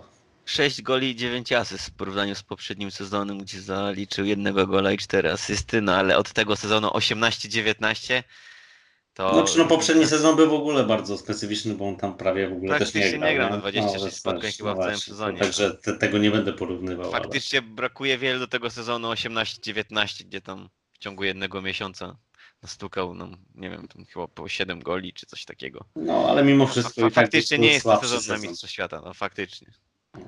Musi w końcu e, unormować sprawy z kontuzjami. Na pewno. Zobaczymy, czy mu się to uda. Zobaczymy też, jak będzie się dalej spisywał bohater y, niestety przegranego meczu w finale Ligi Europy, czyli Scott McTominay. No, myślę, że chłopak pokazał wszystkim wątpiącym w niego ludziom, nazywającym go McDrewno i tak dalej, jak bardzo się mylili. Chyba nie ma zawodnika w ciągu ostatnich lat, co do którego bardziej się mylono w komentarzach. Myślę, że Roy Keane też y, może sobie troszkę przemyśleć niektóre sprawy. Ogólnie sezon bardzo dobry, nawet jeśli nie w liczbach, chociaż liczbowo też nie wypada jakoś y, nie wiadomo jak źle, na, jak na pomocnika, no bo cztery bramki, y, właściwie to siedem, cztery w lidze. No, według mnie bardzo dobry sezon Szkota pokazał, że może być jednym z filarów tego zespołu, może być takim gościem od czarnej roboty, może też czasem coś szarpnąć, może pokazać charakter, strzelić bramkę. No, według mnie ktoś taki, kogo potrzebuje każdy zespół i właśnie można tylko dziękować, że w Manchesterze United to jest y, wychowanek i nie trzeba szukać kogoś za nie wiadomo jakie pieniądze. Y, Dla mnie to jest ósemka i, i mam nadzieję, że kolejny sezon będzie jeszcze lepszy. No, dla mnie to też mocna ósemeczka tutaj dla, dla Szkota. Zresztą to jeden z moich ulubionych piłkarzy. Nie, nie tylko dlatego, że z wychowankiem przebił się i udowodnił pewnym niedowiarkom, że można. Tak. No, za charakter, za zadziorność, y, umiejętności też nie można mu odmówić. Nie jest to może wirtuos na, największy, ale, ale też potrafi swoje, co zresztą pokazywał w meczu Villarreal i zresztą to nie tylko w tym meczu, że czasem potrafi zabrać się z piłką, minąć, e, minąć czterech nawet piłkarzy w środku pola e, zwykłym balansem, czy przyspieszeniem, czy swoją, swoim atletyzmem i zrobić przewagę. Z, z tego też wynikały te między innymi bramki. Może tych asyst nie jest tak dużo i tutaj nad tym ewentualnie do popracowania e, dla Szkota, ale ja tutaj bardzo pozytywnie oceniam sezon w wykonaniu McTominaya. Także ósemeczka mocna. Ja tak samo. Dla, dla mnie to jeden z ulubionych zawodników Manchesterze United. I ci bardzo się cieszę, że, że tym występem w finale raz na zawsze zamknie usta Rojakina, sugerującego, że nie nadaje się do wielkich meczów, bo ja ciągle twierdziłem, że to jest właśnie idealny zawodnik pod takie spotkania. W końcu zaczął brać odpowiedzialność na swoje barki. No te rajdy z Villarrealem niesamowite, ale no to, to nie tylko w tym spotkaniu, bo, bo zdarzały się jeszcze takie w tym sezonie. Siedem goli, no to naprawdę spoko sezon w jego wykonaniu i dla mnie to też jest naprawdę mocna ósemka. No na pewno zostanie zapamiętany za ten mecz z y, Manchesterem City, nie? Kiedy te dwie bramki na początku wodował. To było z City? To z Leeds, Leeds to Z było. Leeds, tak. Ale E, City jedną walną z połowy prawie, tylko że to było w zeszłym sezonie, tuż przed Tak, lockdownem. tak. No, no ale w każdym razie potrafi też i w ten sposób.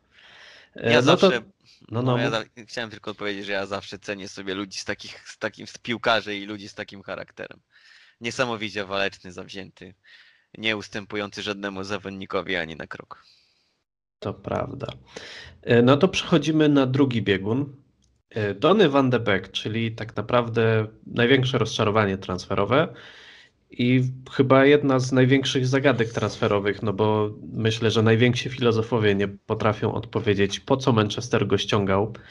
No bo jeżeli mamy takiego gościa i on w finale Ligi Europy, kiedy można dać jakiś impuls ofensywny, nie wchodzi nawet na jedną minutę, kiedy y, Bruno Fernandes i Marcus Rashford kopią się po czołach, no to ja nie mam pojęcia, w jakim celu Holender jest w tym składzie.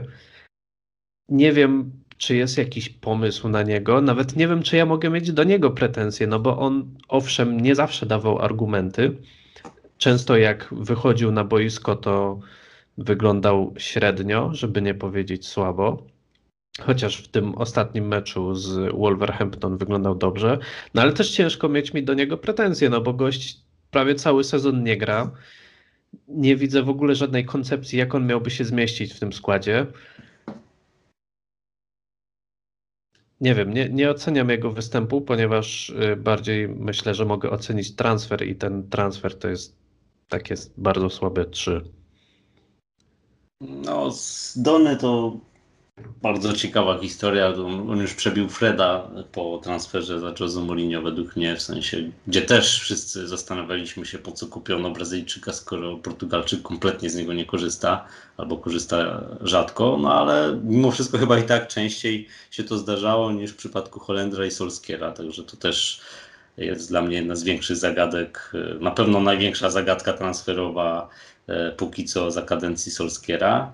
E, A i w którą stronę to się potoczy, ciężko, ciężko przewidzieć, bo, bo też nie ukrywam, że ja osobiście nie widziałem argumentów u Holendra, gdy już dostawał szansę, to według mnie bardzo rzadko udało mu się ją wykorzystać, a przeważnie dawał argument jednak na to, żeby na tej ławce pozostać, więc ja tutaj oceniam nawet nie sam transfer, ale w ogóle na razie i występy, i to jak się odnajduje Van de Beek. No, wiem, że pewne czynniki pewnie tutaj nie, nie są na jego korzyść i też nie wszystko jest jego winą, więc to nie chcę go obarczać tą winą, ale na ten moment czwóreczka, przy czym no, ja jestem człowiekiem raczej nastawionym e, pokojowo, nie wyrzucam od razu wszystkich z klubu, więc jak dla mnie powinien spokojnie dostać ten drugi sezon, może ta klimatyzacja już tam wejdzie na tą wyższą fazę i, i zobaczymy jak w przypadku Freda jakieś, jakieś odrodzenie i będziemy mogli za rok o tej samej porze e, jakiś podcast nakręcić i mówić jak to on przeszedł niesamowitą przemianę, tak jak mówiliśmy o Fredzie nieraz.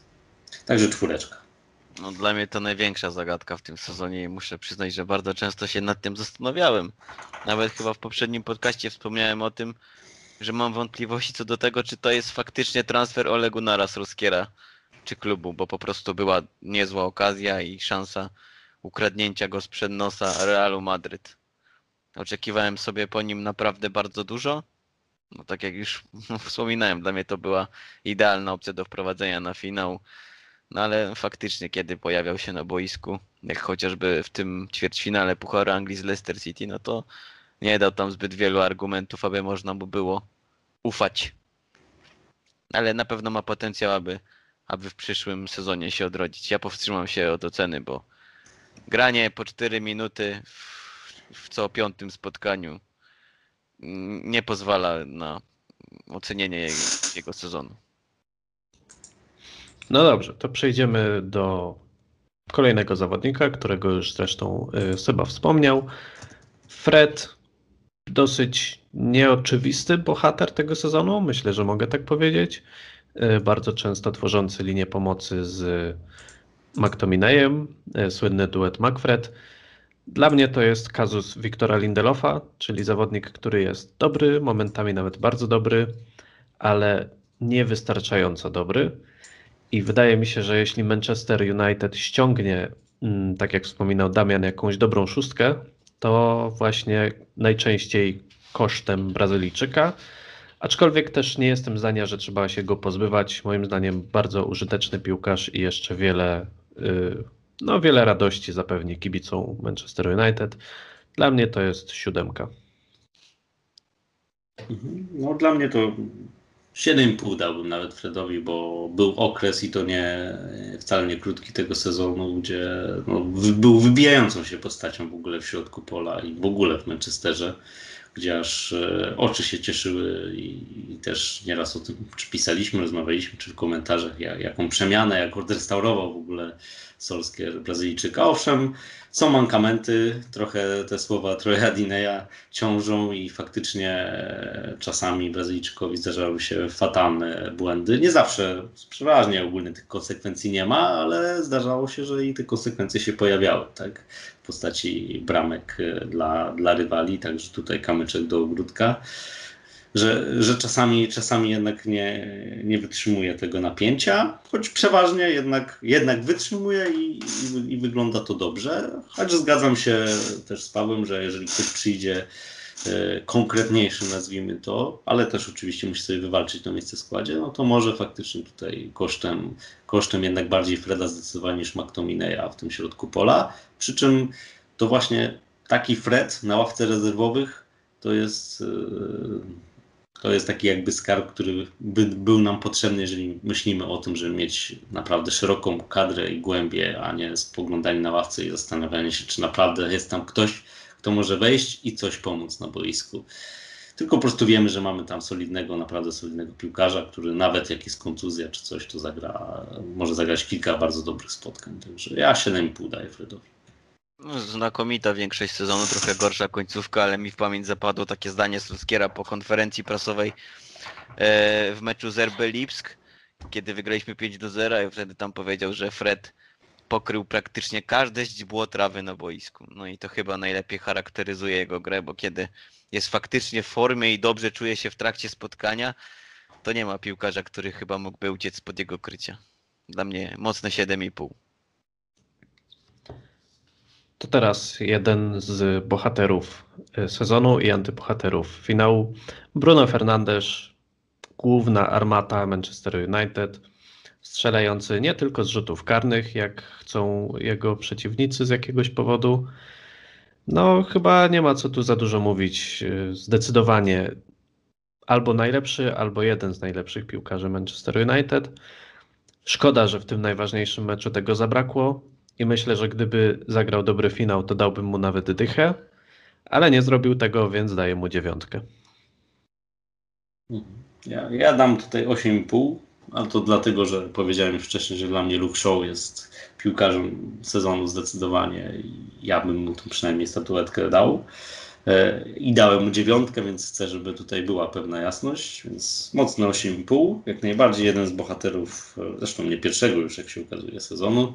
Manchester United, tam wystarczył tylko pół sezonu, tutaj mamy cały sezon, potwierdził jakby swoją przydatność i, i to, że jest jednym z najbardziej kluczowych piłkarzy w układance Solskiera. Minus, y, jaki minus? No taki, że było jednak kilka nawet okresów w tym sezonie, gdzie na kilka spotkań znikał totalnie z radarów. I choć też biorę pod uwagę to, że to wynika z tego, że no, Portugalczy był masakrycznie eksploatowany, ale to jak dobrze też wiemy, na własną, e, na własną jakby tutaj odpowiedzialność i własną prośbę chcąc grać najlepiej w każdym spotkaniu, w każdej minucie. No to też charakter po prostu tego piłkarza. Za ten charakter też duży plus. Choć opaska kapitańska mu nie służy, więc kolejny minusik jak dla mnie, więc tutaj taki mały, dlatego 8,5. No ja się zgadzam z Pawem, dla mnie to jest na pewno mocna dziewiąteczka, też dałbym dyszkę, gdyby, gdyby faktycznie poprowadził nas do zwycięstwa w finale, no ja obecnie sobie w ogóle nie wyobrażam Manchester United bez niego. Jest praktycznie kwintesencją naszej gry, naszej gry w tym sezonie, jeszcze pobił ten rekord e, Franka Lamparda na pozycji pomocnika, 28 goli w całym sezonie, dodatkowo 17 asyst, dla mnie to są jakieś chore, absurdalne i kosmiczne liczby. Fantastyczny po prostu. Dobra, to lecimy dalej. Juan Mata, hmm, chyba podobna historia do Nemani Maticia, czyli zawodnik, który raczej już swój najlepszy czas w Manchesterze ma za sobą. No ja darzę dużą sympatią Hiszpana, przesympatyczny, przeinteligentny człowiek, ale trzeba przyznać, że sportowo no już raczej nie daje tyle, nawet jak gra z tymi rezerwami, to niewiele z jego strony widzimy. Prawdopodobnie odejdzie, a jeśli nie odejdzie, to raczej zostanie jako ten taki mentor dla młodych zawodników, który zagra w jakimś Carabao Cup. No nie wiem, dla mnie szóstka, bo no jak grał, to grał, ale grał niewiele. Mhm. No, Mamata to najlepszy piłkarz sierpnia. Ten początek mhm. sezonu miał naprawdę, naprawdę świetny, no ale potem przyszły problemy osobiste. Nie był brany pod uwagę przy ustalaniu kadry meczowej. Ostatnio powrót, ale faktycznie wydaje się, że to mocny zjazd w jego karierze. Ja osobiście chciałbym, żeby został, bo to naprawdę wartość doda do, dodania, dodana dla, dla całego zespołu, zwłaszcza pod względem jego doświadczenia a także no, tego całego charakteru. Powstrzymał się od ceny oczywiście, bo jak dla mnie za mało spotkań. Znaczy ja, ja dam szósteczkę za ten początek sezonu. No i to, że gdzieś tam jak już wchodził, no to też, też zawsze jakąś, jakąś jakość wnosił, nie można powiedzieć, bo to jednak piłkarz obdarzony, e, obdarzony niesamowitymi umiejętnościami technicznymi. No fakt faktem widać, że jeżeli chodzi o warunki Premier League, to, to, to już widocznie ten czas najlepszy raczej już ma za sobą, to, to tutaj się zgodzę. Być może jednak chociażby przez względy rodzinne, to co się tam wydarzyło u niego w rodzinie, ta tragedia, śmierć mamy, no to też może tutaj wróżyć, że będzie chciał być bliżej rodziny, która pozostała już bez tej mamy, więc zakładam, że, że też może być tak, że zdecyduje się odejść.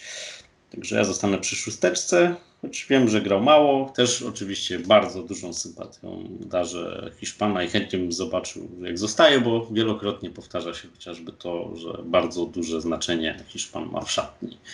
Bo po prostu jest to inteligentny gość i potrafi bardzo wiele rzeczy widocznie zdziałać samą gadką motywacyjną, więc... No ale też nie o to chodzi, żeby płacić piłkarzom tylko po to, żeby żeby e, pobudzali innych do, do gry i walki, gdzie można kupić kogoś, kto, kto, kto jednak troszkę więcej tych minut rozegra i, i da dodatkową jakość w drużynie. Więc y, nie chciałbym się żegnać, ale wiadomo, że może tak być, że faktycznie to jest ostatni sezon maty. No i tyle. No ja muszę przyznać, że niewiele rzeczy mnie tak ucieszyło jak y, gol strzelony przez Matę z rzutu karnego w meczu z Wolverhampton, bo po prostu uważam, że mu się należał. Y, dobra, dobijamy powoli do brzegu, bo już i tak to się trochę przeciąga.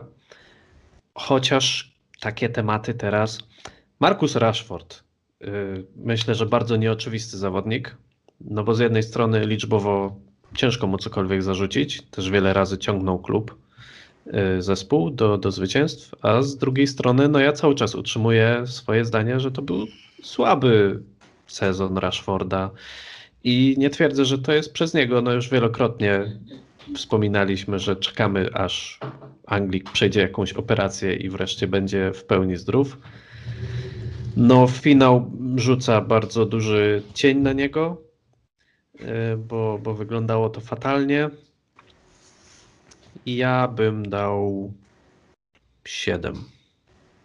Mhm. Ja tu powiem tak, no, zdecydowanie efektywność y, przemawiała na korzyść nad efektywno, efektownością może tutaj w wykonaniu Rashforda, więc zgodzę się, że na pewno był to gorszy sezon e, tutaj Anglika, choć na obronę jednak trzeba brać to, że to co myśleliśmy i o czym mówiliśmy wiele razy już w podcastach y, i między sobą, że, że widać, że Anglik gra z kontuzją, to się potwierdziło, bo w sumie po w zasadzie przyznał, że od początku sezonu gra z kontuzją jedną, a drugiej gdzieś się nabawił po drodze, bo teraz mówi się, że to są w sumie dwie kontuzje, więc e, uraz stopy i uraz barku, a mimo to i tak determinacja i gra. Mm, Choć z tą e efektownością to też nie do końca, bo w końcu gdzieś tam mu że tam najwięcej siatek założył rywalom w Premier League, jak dobrze kojarzę. No wiadomo, że za to się punktów nie przyznaje i bramek też nie, ale to tak, taka mała dygresja. No ja bym dał mimo wszystko 7,5, bo, bo jednak mówimy o, mimo że sezon dla oka może nie był wybitny i, i najfajniejszy i ten finał faktycznie fatalny, no to te liczby no mimo wszystko robią wrażenie, jak na kogoś, kto nie jest ani w pełni sprawny, ani w najlepszej formie, no to strach pomyśleć, co będzie, jeżeli do tej formy wróci i czego mu serdecznie życzę. 7,5. Dla mnie zagrał dobry sezon, ale na pewno poniżej swojego potencjału. Wyrównał przecież swój najlepszy dorobek strzelecki, 21 goli w tym sezonie, ale spodziewaliśmy się jednak, że jeszcze wyżej zawiesi sobie tę poprzeczkę i wskoczy na kolejny poziom. Sebastian powiedział chyba właściwie wszystko. No, efektywność przewyższyła efektowność, Ale też o to chodzi w sumie, nie? Tak de facto. ale z drugiej strony ciężko nam prawdopodobnie sobie wyobrazić pierwszy skład bez Markusa, Markusa Rashforda. Mhm, Dla mnie to mhm. Dla mnie to jeden z dwóch graczy, którzy, którzy tak naprawdę potrafią sobie radzić w pojedynkach jeden na jednego i mogą stworzyć jakąś przewagę. No, Ja, ale te, ja też już kiedyś mówiłem o tym, że no, żyjemy No. teraz w czasach Manchester United, gdzie jak mówisz Manchester United, to ma na myśl, no oczywiście teraz już Bruno Fernandes, ale też przede wszystkim w pierwszej kolejności przychodzi Marcus Rashford. Tak, to już już jest jakaś ikona. Pomijając e, to, co zrobił wokół siebie całą tą pracą poza boiskiem, bo to do, dodatkowo oczywiście te, te nazwisko wywindowało w górę, ale no Marcus Rashford gdzieś równa się trochę Manchester United. No wiadomo, nie jest to jakość w tym sezonie ta, ta której, e, którą już widywaliśmy, której by się oczekiwało, no ale te liczby są, tak? No, miejmy nadzieję, że upora się ze swoimi demonami, kontuzjami. E, Być może będzie potrzebna faktycznie jakaś operacja i troszkę go zabraknie na początku sezonu, E, ale potem wróci na przykład już w pełnym gazie. O, no, te operacje faktycznie wydają się konieczne, bo to chyba taki jedyny hamulec jak na razie dla jego rozwoju. No, dla mnie to jeden z piłkarzy, który ma potencjał do tego, aby być najlepszym na świecie. Niesamowite warunki fizyczne, motoryczne, techniczne. Dla No. mnie to taki zawodnik, który, którego powinno na równi stawiać się z Mbappé, no ale faktycznie musi uporać się z urazami. Takie, dałbym mu takie 7,5 mocne. Dobra. Y, Teraz zawodnik, który raczej nie ma problemu z kontuzjami, ale ma problemy z częstymi występami, czyli Daniel James.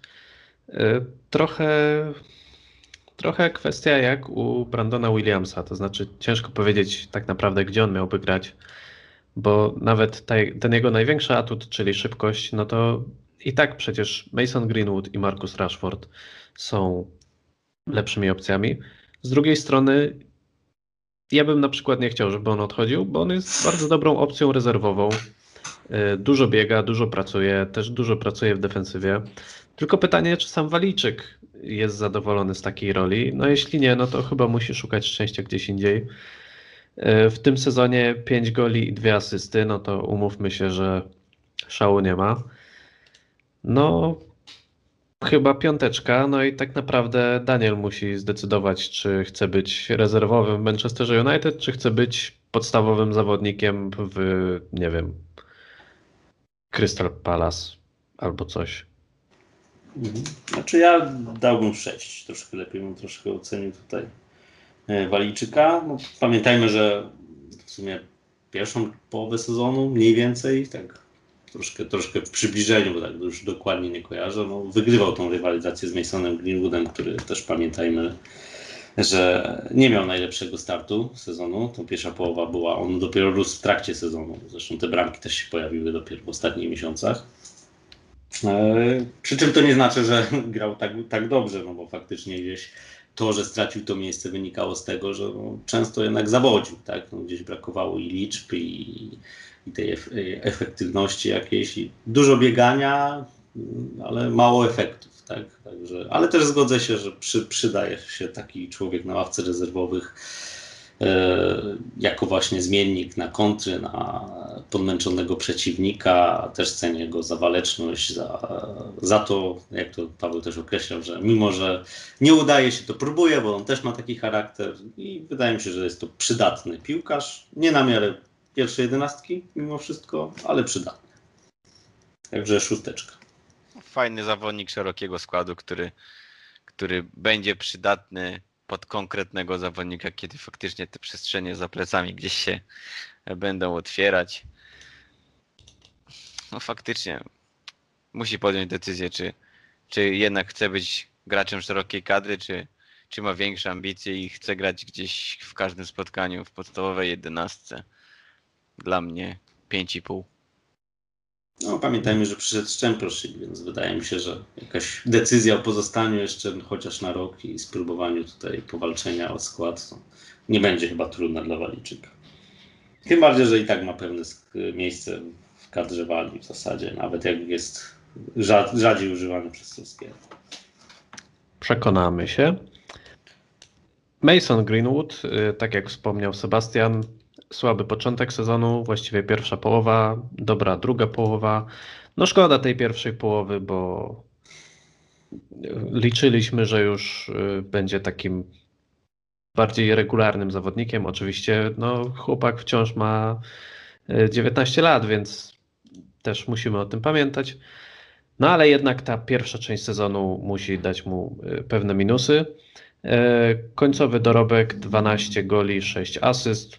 Dobry wynik. No myślę, że pokazuje to, co wiemy od dawna, czyli że jest mega utalentowanym młodym napastnikiem i mam nadzieję, że w przyszłym sezonie będzie już potrafił to pokazać na przestrzeni całych rozgrywek. Dla mnie siódemka. Mhm. Znaczy no tutaj błędy młodości, no ale po to jest młody, żeby błędy popełniać, bo też możemy powiedzieć, że ten początek sezonu troszkę też wynikał z tego, co się działo i na kadrze, i te zawirowania wokół niego. No jakby ta atmosfera e, zbudowała to, że gdzieś on się zgubił troszkę mentalnie i to było widać.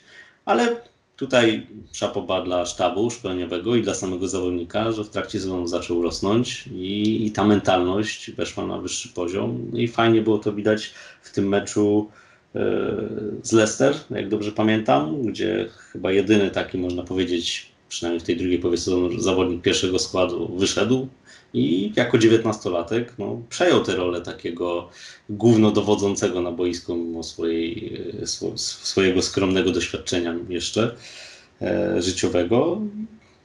Przekonuje. No, dla mnie to jest faktycznie naj, najbardziej naturalny, urodzony strzelec, jakiego mamy w drużynie i myślę, że będziemy mieli sporo pociechy. Niech tylko trzyma teraz na wodzy tą swoją chłodną głowę, nie popełnia jakichś tam błędów.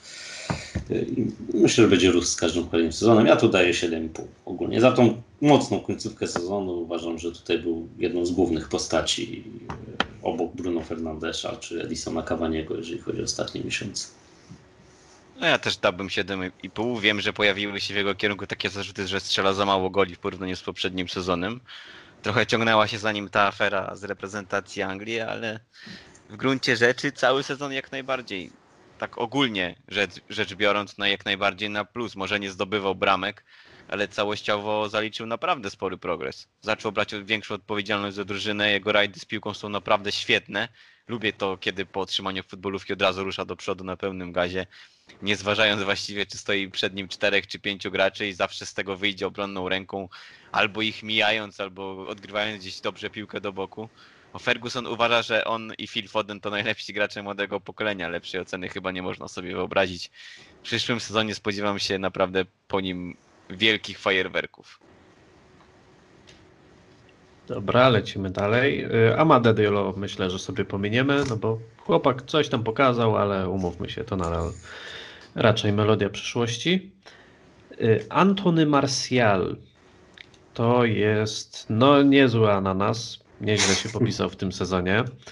Y, Słuchajcie, ja mu daję dwójkę, chciałem mu dać jedynkę, ale spojrzałem na jego liczby. Ma 7 goli i 9 asyst, więc nie tak tragiczny y, występ.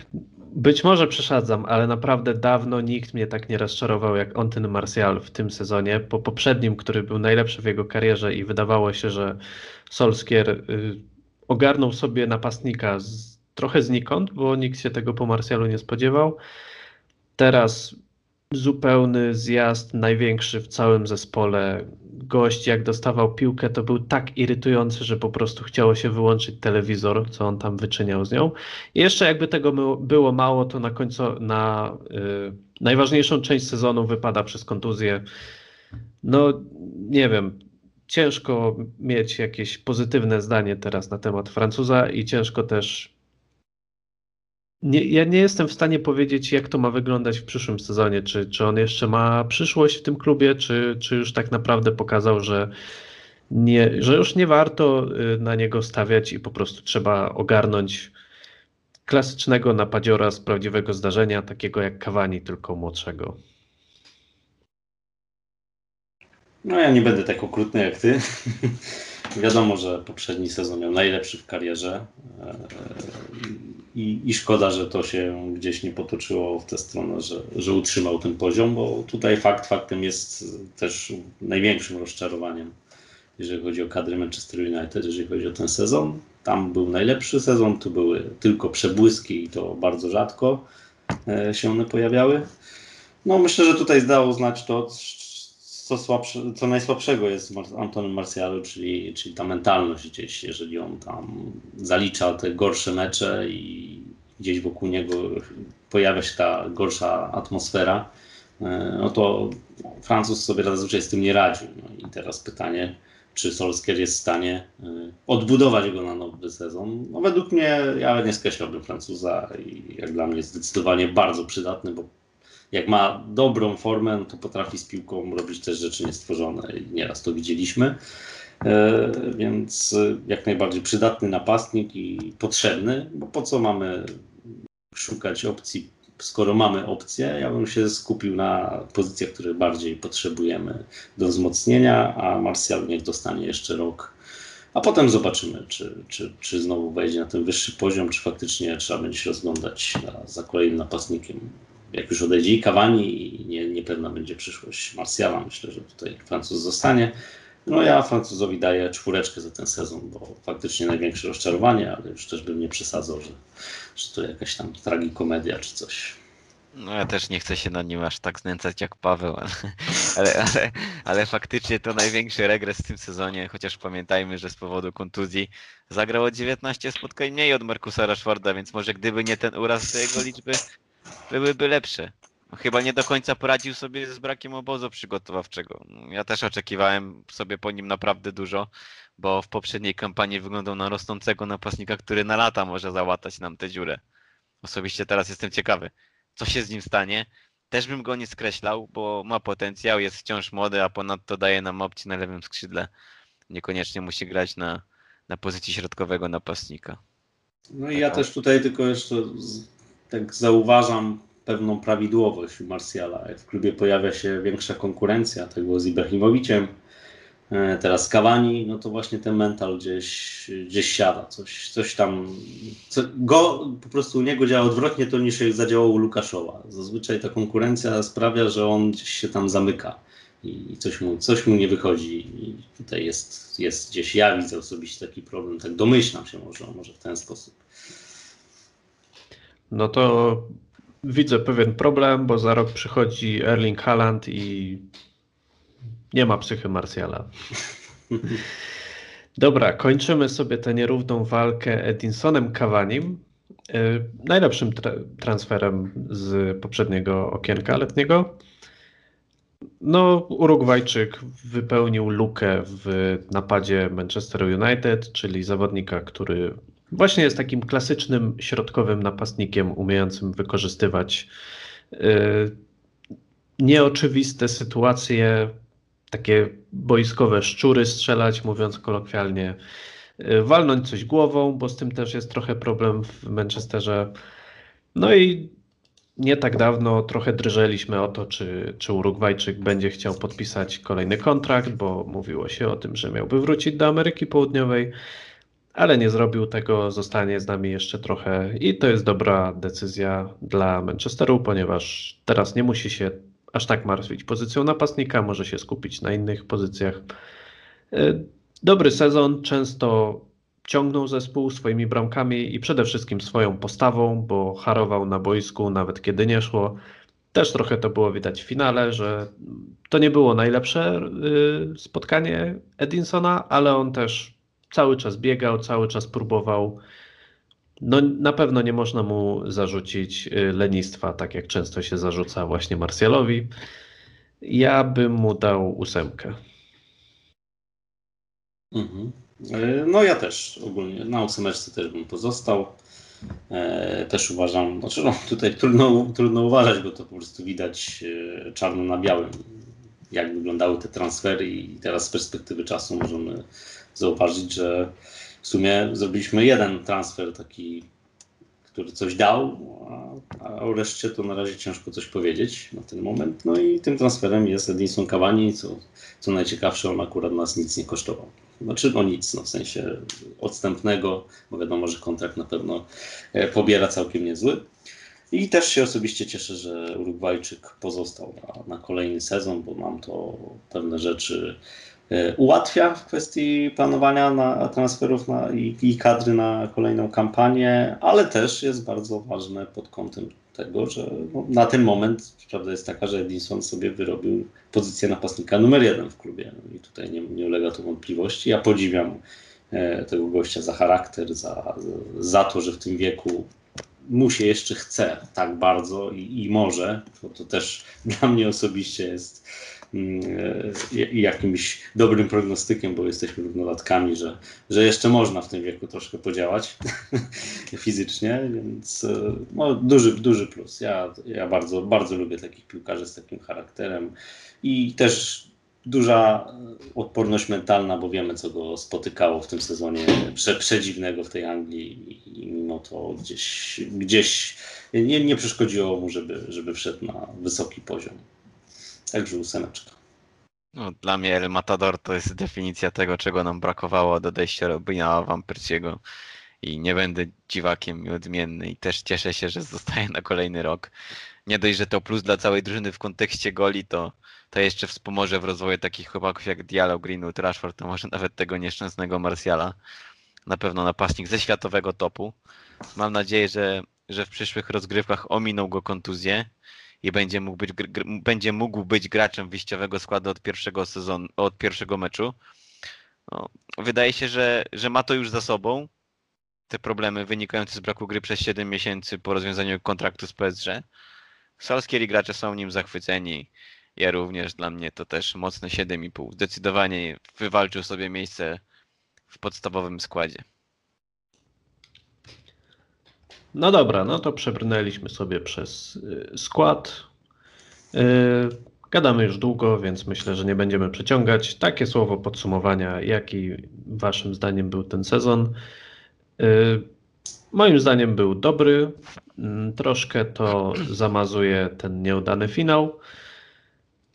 Aczkolwiek no na pewno brakuje tej kropki na D w postaci podniesienia jakiegoś pucharu, ale nie chciałbym też, żeby to jakoś przekreślało progres, który czyni ta drużyna, bo ona go czyni i on jest widoczny i dosyć oczywisty. Tak naprawdę dużo będzie zależało od transferów, które zostaną dokonane latem, bo nawet sam Solskjaer mówił, że są potrzebne, aby wskoczyć wyżej. No i spodziewam się, że w przyszłym sezonie już uda się wznieść jakiś puchar i uda się powalczyć realnie o mistrzostwo. I tego życzę sobie i zawodnikom Manchester United oraz ich kibicom. No, na pewno ta porażka mocno rzutuje. Ta porażka w finale mocno rzutuje na proces Luskiera oraz cały ten sezon, ale mimo wszystko zespół dokonał w nim sporego progresu. Po braku obozu przygotowawczego i ciężkim początku sezonu, gdy przegraliśmy 3 z 6 pierwszych spotkań w lidze, wszyscy go zwalniali, raczej nie zakładali, że Manchester United zostanie wicemistrzem Anglii, będzie liderem na półmetku i nie przegra żadnego spotkania na wyjeździe.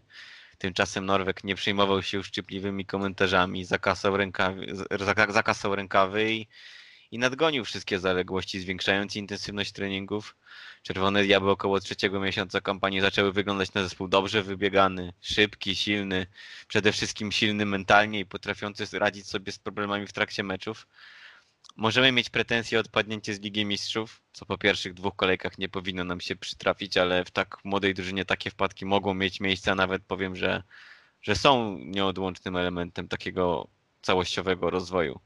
Najłatwiej mi ten sezon podsumować porównując właściwie kadrę United i City. No jak na razie nie mamy do nich większego podjazdu, bo piłkarze z ławki rezerwowych City mogliby z powodzeniem występować w pierwszej 11 United. No, wiadomo, brak trofeów w kolejnym sezonie jest bolesny, ale Klopp w Liverpoolu też potrzebował 4 lat, aby zdobyć puchara. Po drodze też dostał w czapkę od Emery'ego w finale Ligi Europy.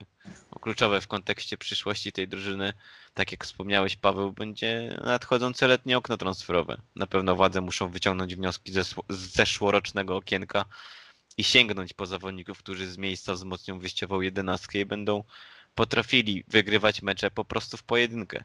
Ja osobiście podchodzę do tego tak, że, że praca Solskiera w United to wciąż jakiś proces, w którym wzloty i upadki są nieuniknione.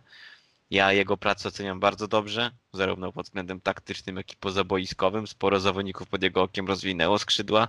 W szatni panuje dobra atmosfera i styl też zaczyna nabierać kolorów.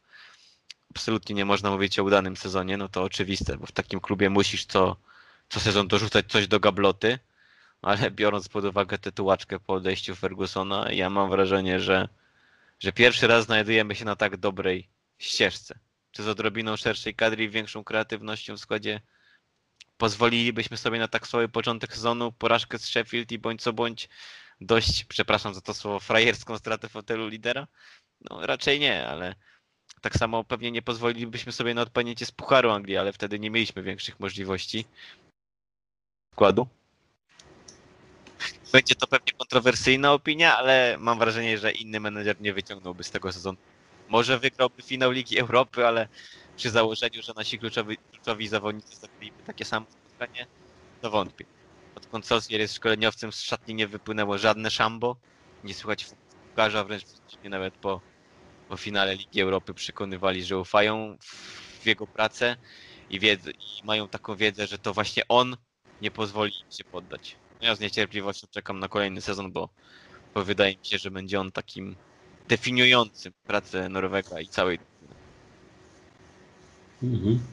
Znaczy no, to pokazuje, jak jeden mecz, a w zasadzie czasem jedno zagranie, bo tam wystarczyło na przykład wykorzystać jakąś jedną sytuację, która była i wygrać ten finał Ligi Europy, może rzutować na taki odbiór ogólny prawda, sezonu, bo fakt faktem z takiego całkiem udanego sezonu, dobrego można było powiedzieć, no jednak myślę, że można iść w kierunku tego, że on był niezły, ale na pewno niesatysfakcjonujący, no bo jednak zabrakło tego, co jest najważniejsze, czyli, czyli pucharu, a on był naprawdę na wyciągnięcie ręki. Wiadomo, że to nie był mm, Liga Europy to nie jest y, to miejsce, gdzie chcemy być, ale skoro już tam byliśmy, no to, to o nią walczymy i, i powinniśmy walczyć do końca. No, to gdzieś się nie udało już niezależnie od tego, jak się ten finał potoczył, więc no tutaj, tutaj jest jakiś minus na pewno w odbiorze, ale też no, nie demonizowałbym, nie szedł w tą stronę przecież, no bo to też tak jak mówię, no to jest tak zmieniać całkowicie ocenę przez pryzmat tego jednego meczu,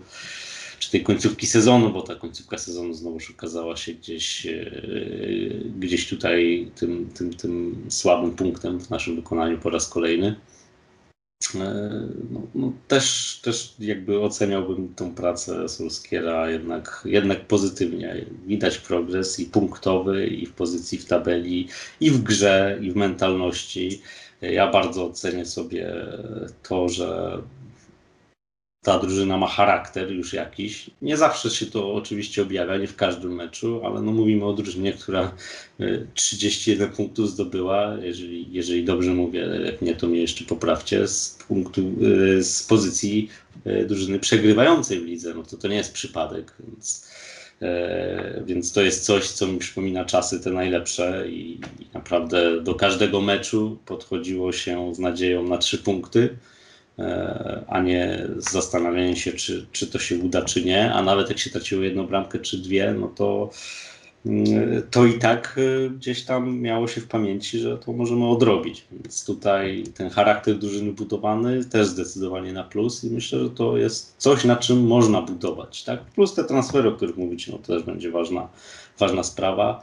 Do tego mówimy o to, co nie jest przypadkiem, tak, o kilku wynikach 9-0 Southampton, 6-2 z Romą, 4-0 Sociedad, 5-0 z Lipskiem, e, znowuż 6-2 z Leeds, tak, no, zdarzały się takie mecze, że to nie były przypadki, no, po prostu to się, to się czasem zdarzało, więc co pokazuje, jaki potencjał ma ta drużyna, e, tylko brakuje jeszcze tej regularności. Ta regularność jest lepsza niż w zeszłym sezonie, więc jest progres, nie jest on może aż tak kolosalny, e, więc też tutaj nie przesadzajmy w drugą stronę, ale biorąc pod uwagę to, bo też o tym to już poruszyliśmy, że e, w sumie wychodzi na to, że tak naprawdę dodaliśmy jeden transfer do drużyny, taki realny transfer w postaci Edisona Cavaniego i ta kadra w zasadzie się nie zmieniła za bardzo w porównaniu do zeszłego sezonu, no to chyba i tak nie jest aż tak źle.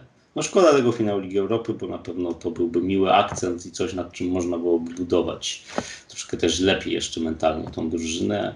No ale cóż, no, jak to już mleko się rozlało, tak, już, już po ptokach, więc no, trzeba teraz czekać na kolejny sezon. Ja również czekam z niecierpliwością i, i absolutnie tutaj e, nie oddaję pola, żeby tutaj Solskiera zwalniać. Myślę, że należy mu się za ten progres, choć nie aż tak ostatecznie wielki, ten progres należy mu się jeszcze czas e, na to, żeby, żeby poprowadzić tę drużynę w kolejnym sezonie i zobaczymy, co z tego wyjdzie. Także no nie wiem, no, teraz możemy jeszcze też ocenę jakąś dać, to ja wiem, takie 6,5 łamane na 7, może 6,5, coś takiego bym dał za ten sezon. Damian? No, jeżeli miałbym ocenić skali od 1 do 10, to to może faktycznie to 6,5 byłoby odpowiednie przez, przez brak trofeów, ale przez ten progres to ocena o półtorej w górę z tej oceny wyjściowej będzie ok. 6,5. No, też tak myślę. Z Ligą Europy byłoby 7, bez odpadnięcia z Ligi Mistrzów pewnie by było jeszcze wyżej. Dobrze, dotarliśmy do końca tego odcinka, tak jak Manchester United dotarł do końca sezonu. Wyszedł bardzo długi, no ale mam nadzieję, że zrozumiecie, bo podsumowania tak mają, że lubią się przedłużać. E, dlatego tym bardziej dziękujemy, jeżeli dotarliście do tego momentu. E, słuchajcie, dajcie znać w komentarzach, jakie jest Wasze zdanie, kto był Waszym bohaterem tego sezonu, jak oceniacie pozostałych, jak oceniacie ten sezon. E, my już dziękujemy. Podsumowanie finału Ligi Europy i sezonu przygotowali dla nas Damian Domicz.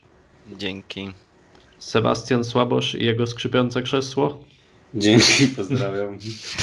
I Paweł Waluś. Nie, to chyba moje skrzypiące, wiesz. Moje nie skrzypi. Moje, tak? Chyba moje, chyba moje. ale, ale teraz rzuciłem fałszywym oskarżeniem. Sorry. Sorry, sorry Seba. E, aha, słuchajcie, jeszcze jedna rzecz, zanim e, skończymy, bo troszkę daliście nam w głowę za y, brak regularności. No ale teraz zaczyna się sezon ogórkowy, prawda? Więc y, ciężko nam obiecać, jak to będzie z regularnością po zakończonym sezonie i przed początkiem kolejnego. Oczywiście, jeżeli będą się trafiać same super tematy, które trzeba omawiać, no to będziemy to robić, prawda? No ale jest taka możliwość, że ich nie będzie, bo na przykład będą same plotki transferowe albo wszystko y, zje euro. Więc no mam nadzieję, że zrozumiecie, jeżeli w tym okresie nie będą się aż tak często czy też y, regularnie pojawiać odcinki. No i tyle. Dziękujemy za to, że byliście z nami i trzymajcie się.